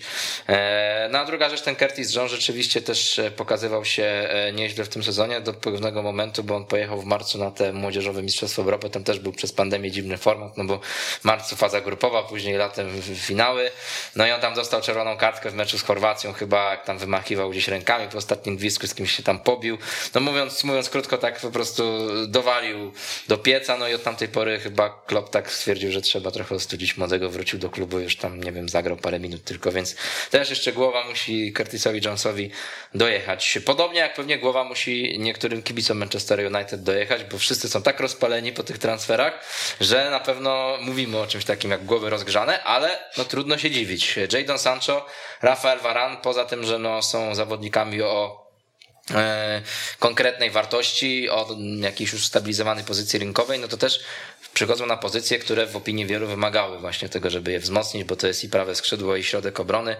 E, No mamy zresztą pytanie od Dawida Sikorskiego, naszego widza, który pyta, czy transfery wspomniane przeze mnie wystarczą Manchesterowi, aby realnie walczyć do końca sezonu o tytuł. Ogłaszam koniec okresu ochronnego dla Ole Gunnara Solskiera. Do tej pory takie mam wrażenie, że moglibyśmy znaleźć kilka takich czynników łagodzących dla, dla Norwega, w sensie, że potrzebuje czasu na Mamy to, żeby... tutaj właśnie grafikę żeby pokazującą te zbudować- wyniki, bo wiesz, przedłużył teraz kontrakt, zresztą przecież e, o 4 lata. Mhm. No i jak spojrzymy na te zdobywane punkty, odkąd on jest zatrudniony, no to nie wygląda to dramatycznie, ale jednak City i Liverpool znacznie z przodu i trzeba te różnice zniwelować. W kontekście w tym tego, o czym ty mówisz, że ogłaszasz koniec okresu ochronnego, bardzo mnie zdziwiło właśnie to przedłużenie kontraktu z Solskierem. To znaczy, ja bym je rozumiał, gdyby nastąpiło na przykład po tym sezonie. Bo teraz e, jakby okazano mu zaufanie, bardzo duże oczywiście, tak to pewnie należy rozumieć, ale on jeszcze z tą drużyną nic nie wygrał, więc pytanie, czy jeśli nie wygra po tym sezonie, albo ten sezon nie będzie generalnie udany, no nie wiem, dojdziesz do finału jakiegoś europejskiego pucharu i zdobędziesz wicemistrzostwo Anglii, to pewnie też nie będzie źle. Ale rozumiałbym przedłużenie kontraktu, może nawet w trakcie sezonu, jeśli by się ten sezon fajnie układał, ale przed mu się kończył kontrakt, więc Tak, e, dlaczego tak się stało? Wiesz co, ja mam takie poczucie, że to jest po prostu okazanie ogromnego zaufania, że teraz dajemy ci, daliśmy ci pieniądze na transfery, daliśmy ci czas, to teraz No ale co będzie, jak nie ci... wyjdzie za rok? To zwolnisz trenera i zapłacisz No dużo więcej. No, ale ich stać na to. Jak stać, to jasne. Ale nie, wydaje mi się, że to jest taki psychologiczny, psychologiczny aspekt, że Ja wiem, patrz, ci- naprawdę, ale- ma- naprawdę my w ciebie wierzymy, dajemy ci ten Zdziwiło mnie to. Myślałem, że kontrakt. zrobią to wtedy, kiedy faktycznie on taki stempel postawi i powiesz, Ale no, nie, nie jest sztuką dać kontrakt, kiedy drużynie idzie. Tylko wtedy, kiedy przegrywasz finał Ligi Europy. No, ale nie, I to też jest naoczny świadek zresztą. Tak, by, byłem, na tym, byłem na tym meczu. E, Natomiast e, wracając jeszcze do tego, co powiedziałem, Tak. e, czas dostał, pieniądze na transfery dostał, więc teraz on musi naprawdę dostarczyć wynik. Po prostu, tu, tu już nie ma zmiłuj. Ten sezon musi być sezonem, w którym Manchester wkłada do gabloty jakieś trofeum. Czyli Jakieś, co, ale czyli co, jakieś. jakiekolwiek? Czy Uważam, na przykład, że tak. na przykład Puchar Anglii cię zadowoli, czy Mistrzostwo albo Liga Mistrzów? Nie, nie, nie. Puchar, Puchar, Anglii, Anglii, może jak być. najbardziej, okej. I, I na poważne włączenie się do walki o mistrzostwo. Na poważne włączenie mam na myśli nie tam, że 15 punktów mniej będą mieli, tylko przegrają, nie wiem, no. Chcę, nie chcę Na finiszu. Pięcioma, sześcioma, no czterema, tak? Że, że w sensie do końca walczą, liczą się o to. To jest taki, to, to jest taki kolejny krok według mnie, który, mm, który musi wykonać Manchester. Nie oczekuję, że zdobędą mistrzostwo, no bo wiecie, gdyby teraz każdy oczekiwał, że musi mieć mistrzostwo, to byśmy mieli siedem zmian trenerów y, po każdym sezonie, tak? W tej drużynie, w tych klubach top 7 powiedzmy. Więc y, ja oczekuję tego poważnego włączenia się do walki. No dużo o transferach mówimy, ale taki transfer znowu trochę w cudzysłowie wewnętrzny, to może być Harry Maguire, który zagrał fenomenalnie Mistrzostwo Europy. Mhm. Więc jego mm, partnerstwo Wiesz, wiele mówi, o, wiele mówi o, tak tylko przepraszam ci wejdę słowo, ale wiele mówi o tej poprawie pozycji Maguire'a i jego formy, to, że przychodzi Rafael Varan, czterokrotny zwycięzca Ligi Mistrzów i dużo jest głosów takich, że to on będzie tym drugim, że liderem ma być cały czas Maguire, że, że to Varan jakby przy nim ma grać, a nie, że Varan ma przyjść i uratować obronę Manchesteru, tak jak jeszcze kiedyś mówiono przecież. Nie, byłem oczarowany tym, jak Maguire grał w Mistrzostwach Europy. Nie wiem, czy to nie był w ogóle no, najlepszy zawodnik reprezentacji Anglii, a na pewno w top 3 to był na 100%, więc yy, świetne Mistrzostwa Europy też przecież przystępował tak, no, z, jeszcze kontuzjowany był wtedy, kiedy zaczynały się te e, mistrzostwa, więc e, jego partnerstwo z Varanem to na pewno może być jedna z najlepszych, to takie chyba nawiązanie trochę do pary Rio Ferdinand Nemanja Vidic. To chyba najle- najlepsza obecnie, znaczy najlepsza para ośrodkowych obrońców, odkąd e, byli, nią, byli nim Ferdinand i, i właśnie Nemanja Vidic. E, Pytanie też o bramkarze, bo tam e, zacznie sezon Dawid Decha. Czy on znów będzie tym Dawidem Decheą, takim, który ratuje punkty, którym przez wiele lat był. No bo Dean Henderson miał kłopoty z koronawirusem, chyba nie jest po prostu gotowy jeszcze do gry, więc trochę ta rywalizacja się sama rozstrzygnęła.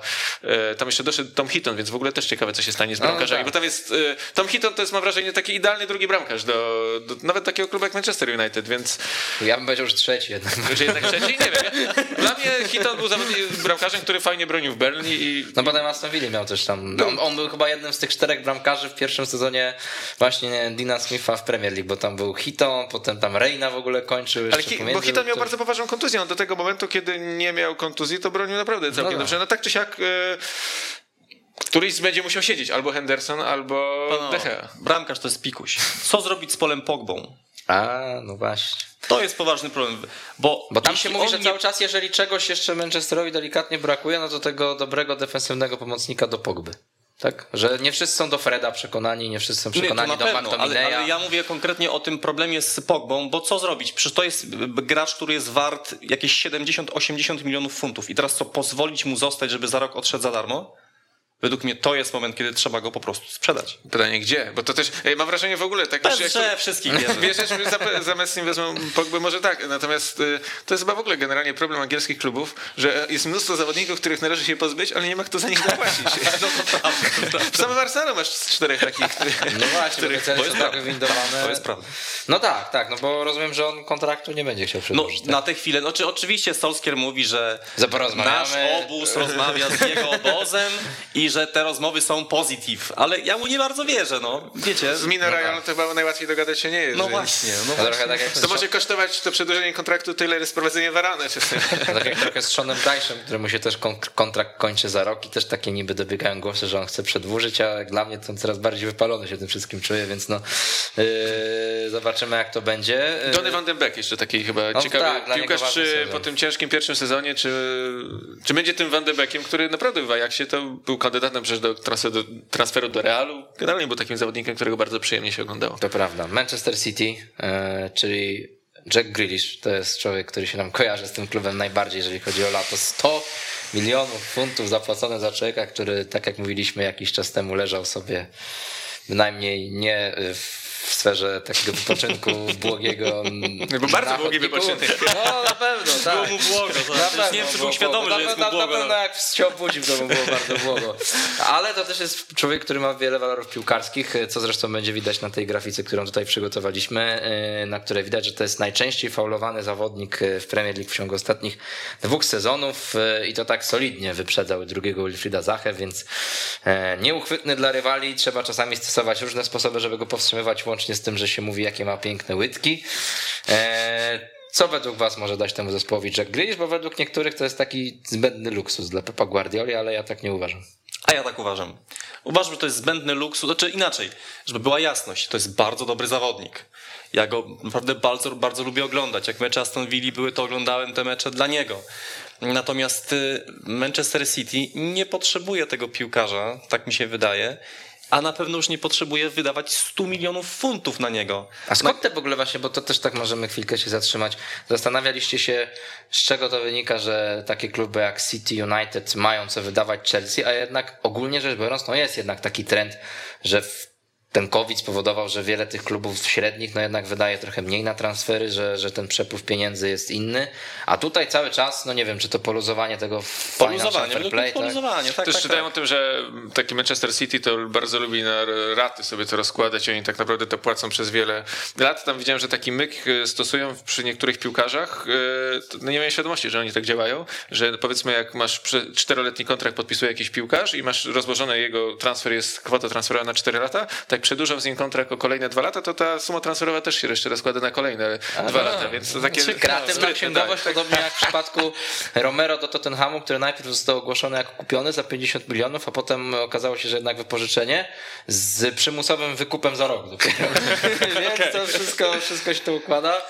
No Ale o tym, że a propos tego luksusowego wzmocnienia, to też jest y, ciekawe, bo dużo można przeczytać, że w ogóle Grealish, który jednak w Aston Villa grał przede wszystkim na powiedzmy lewym skrzydle, tak, operował po, po tej lewej stronie. Y, w Manchesterze City będzie być może brany pod uwagę też jako środkowy pomocnik, jako taki albo partner, albo zastępca, następca, czy konkurent Ilkaja Gindogana, no bo znaleźć też miejsce na skrzydle w Manchesterze City nie jest Wiecie, łatwo. teraz Sterling przecież zagrał fenomenalne euro.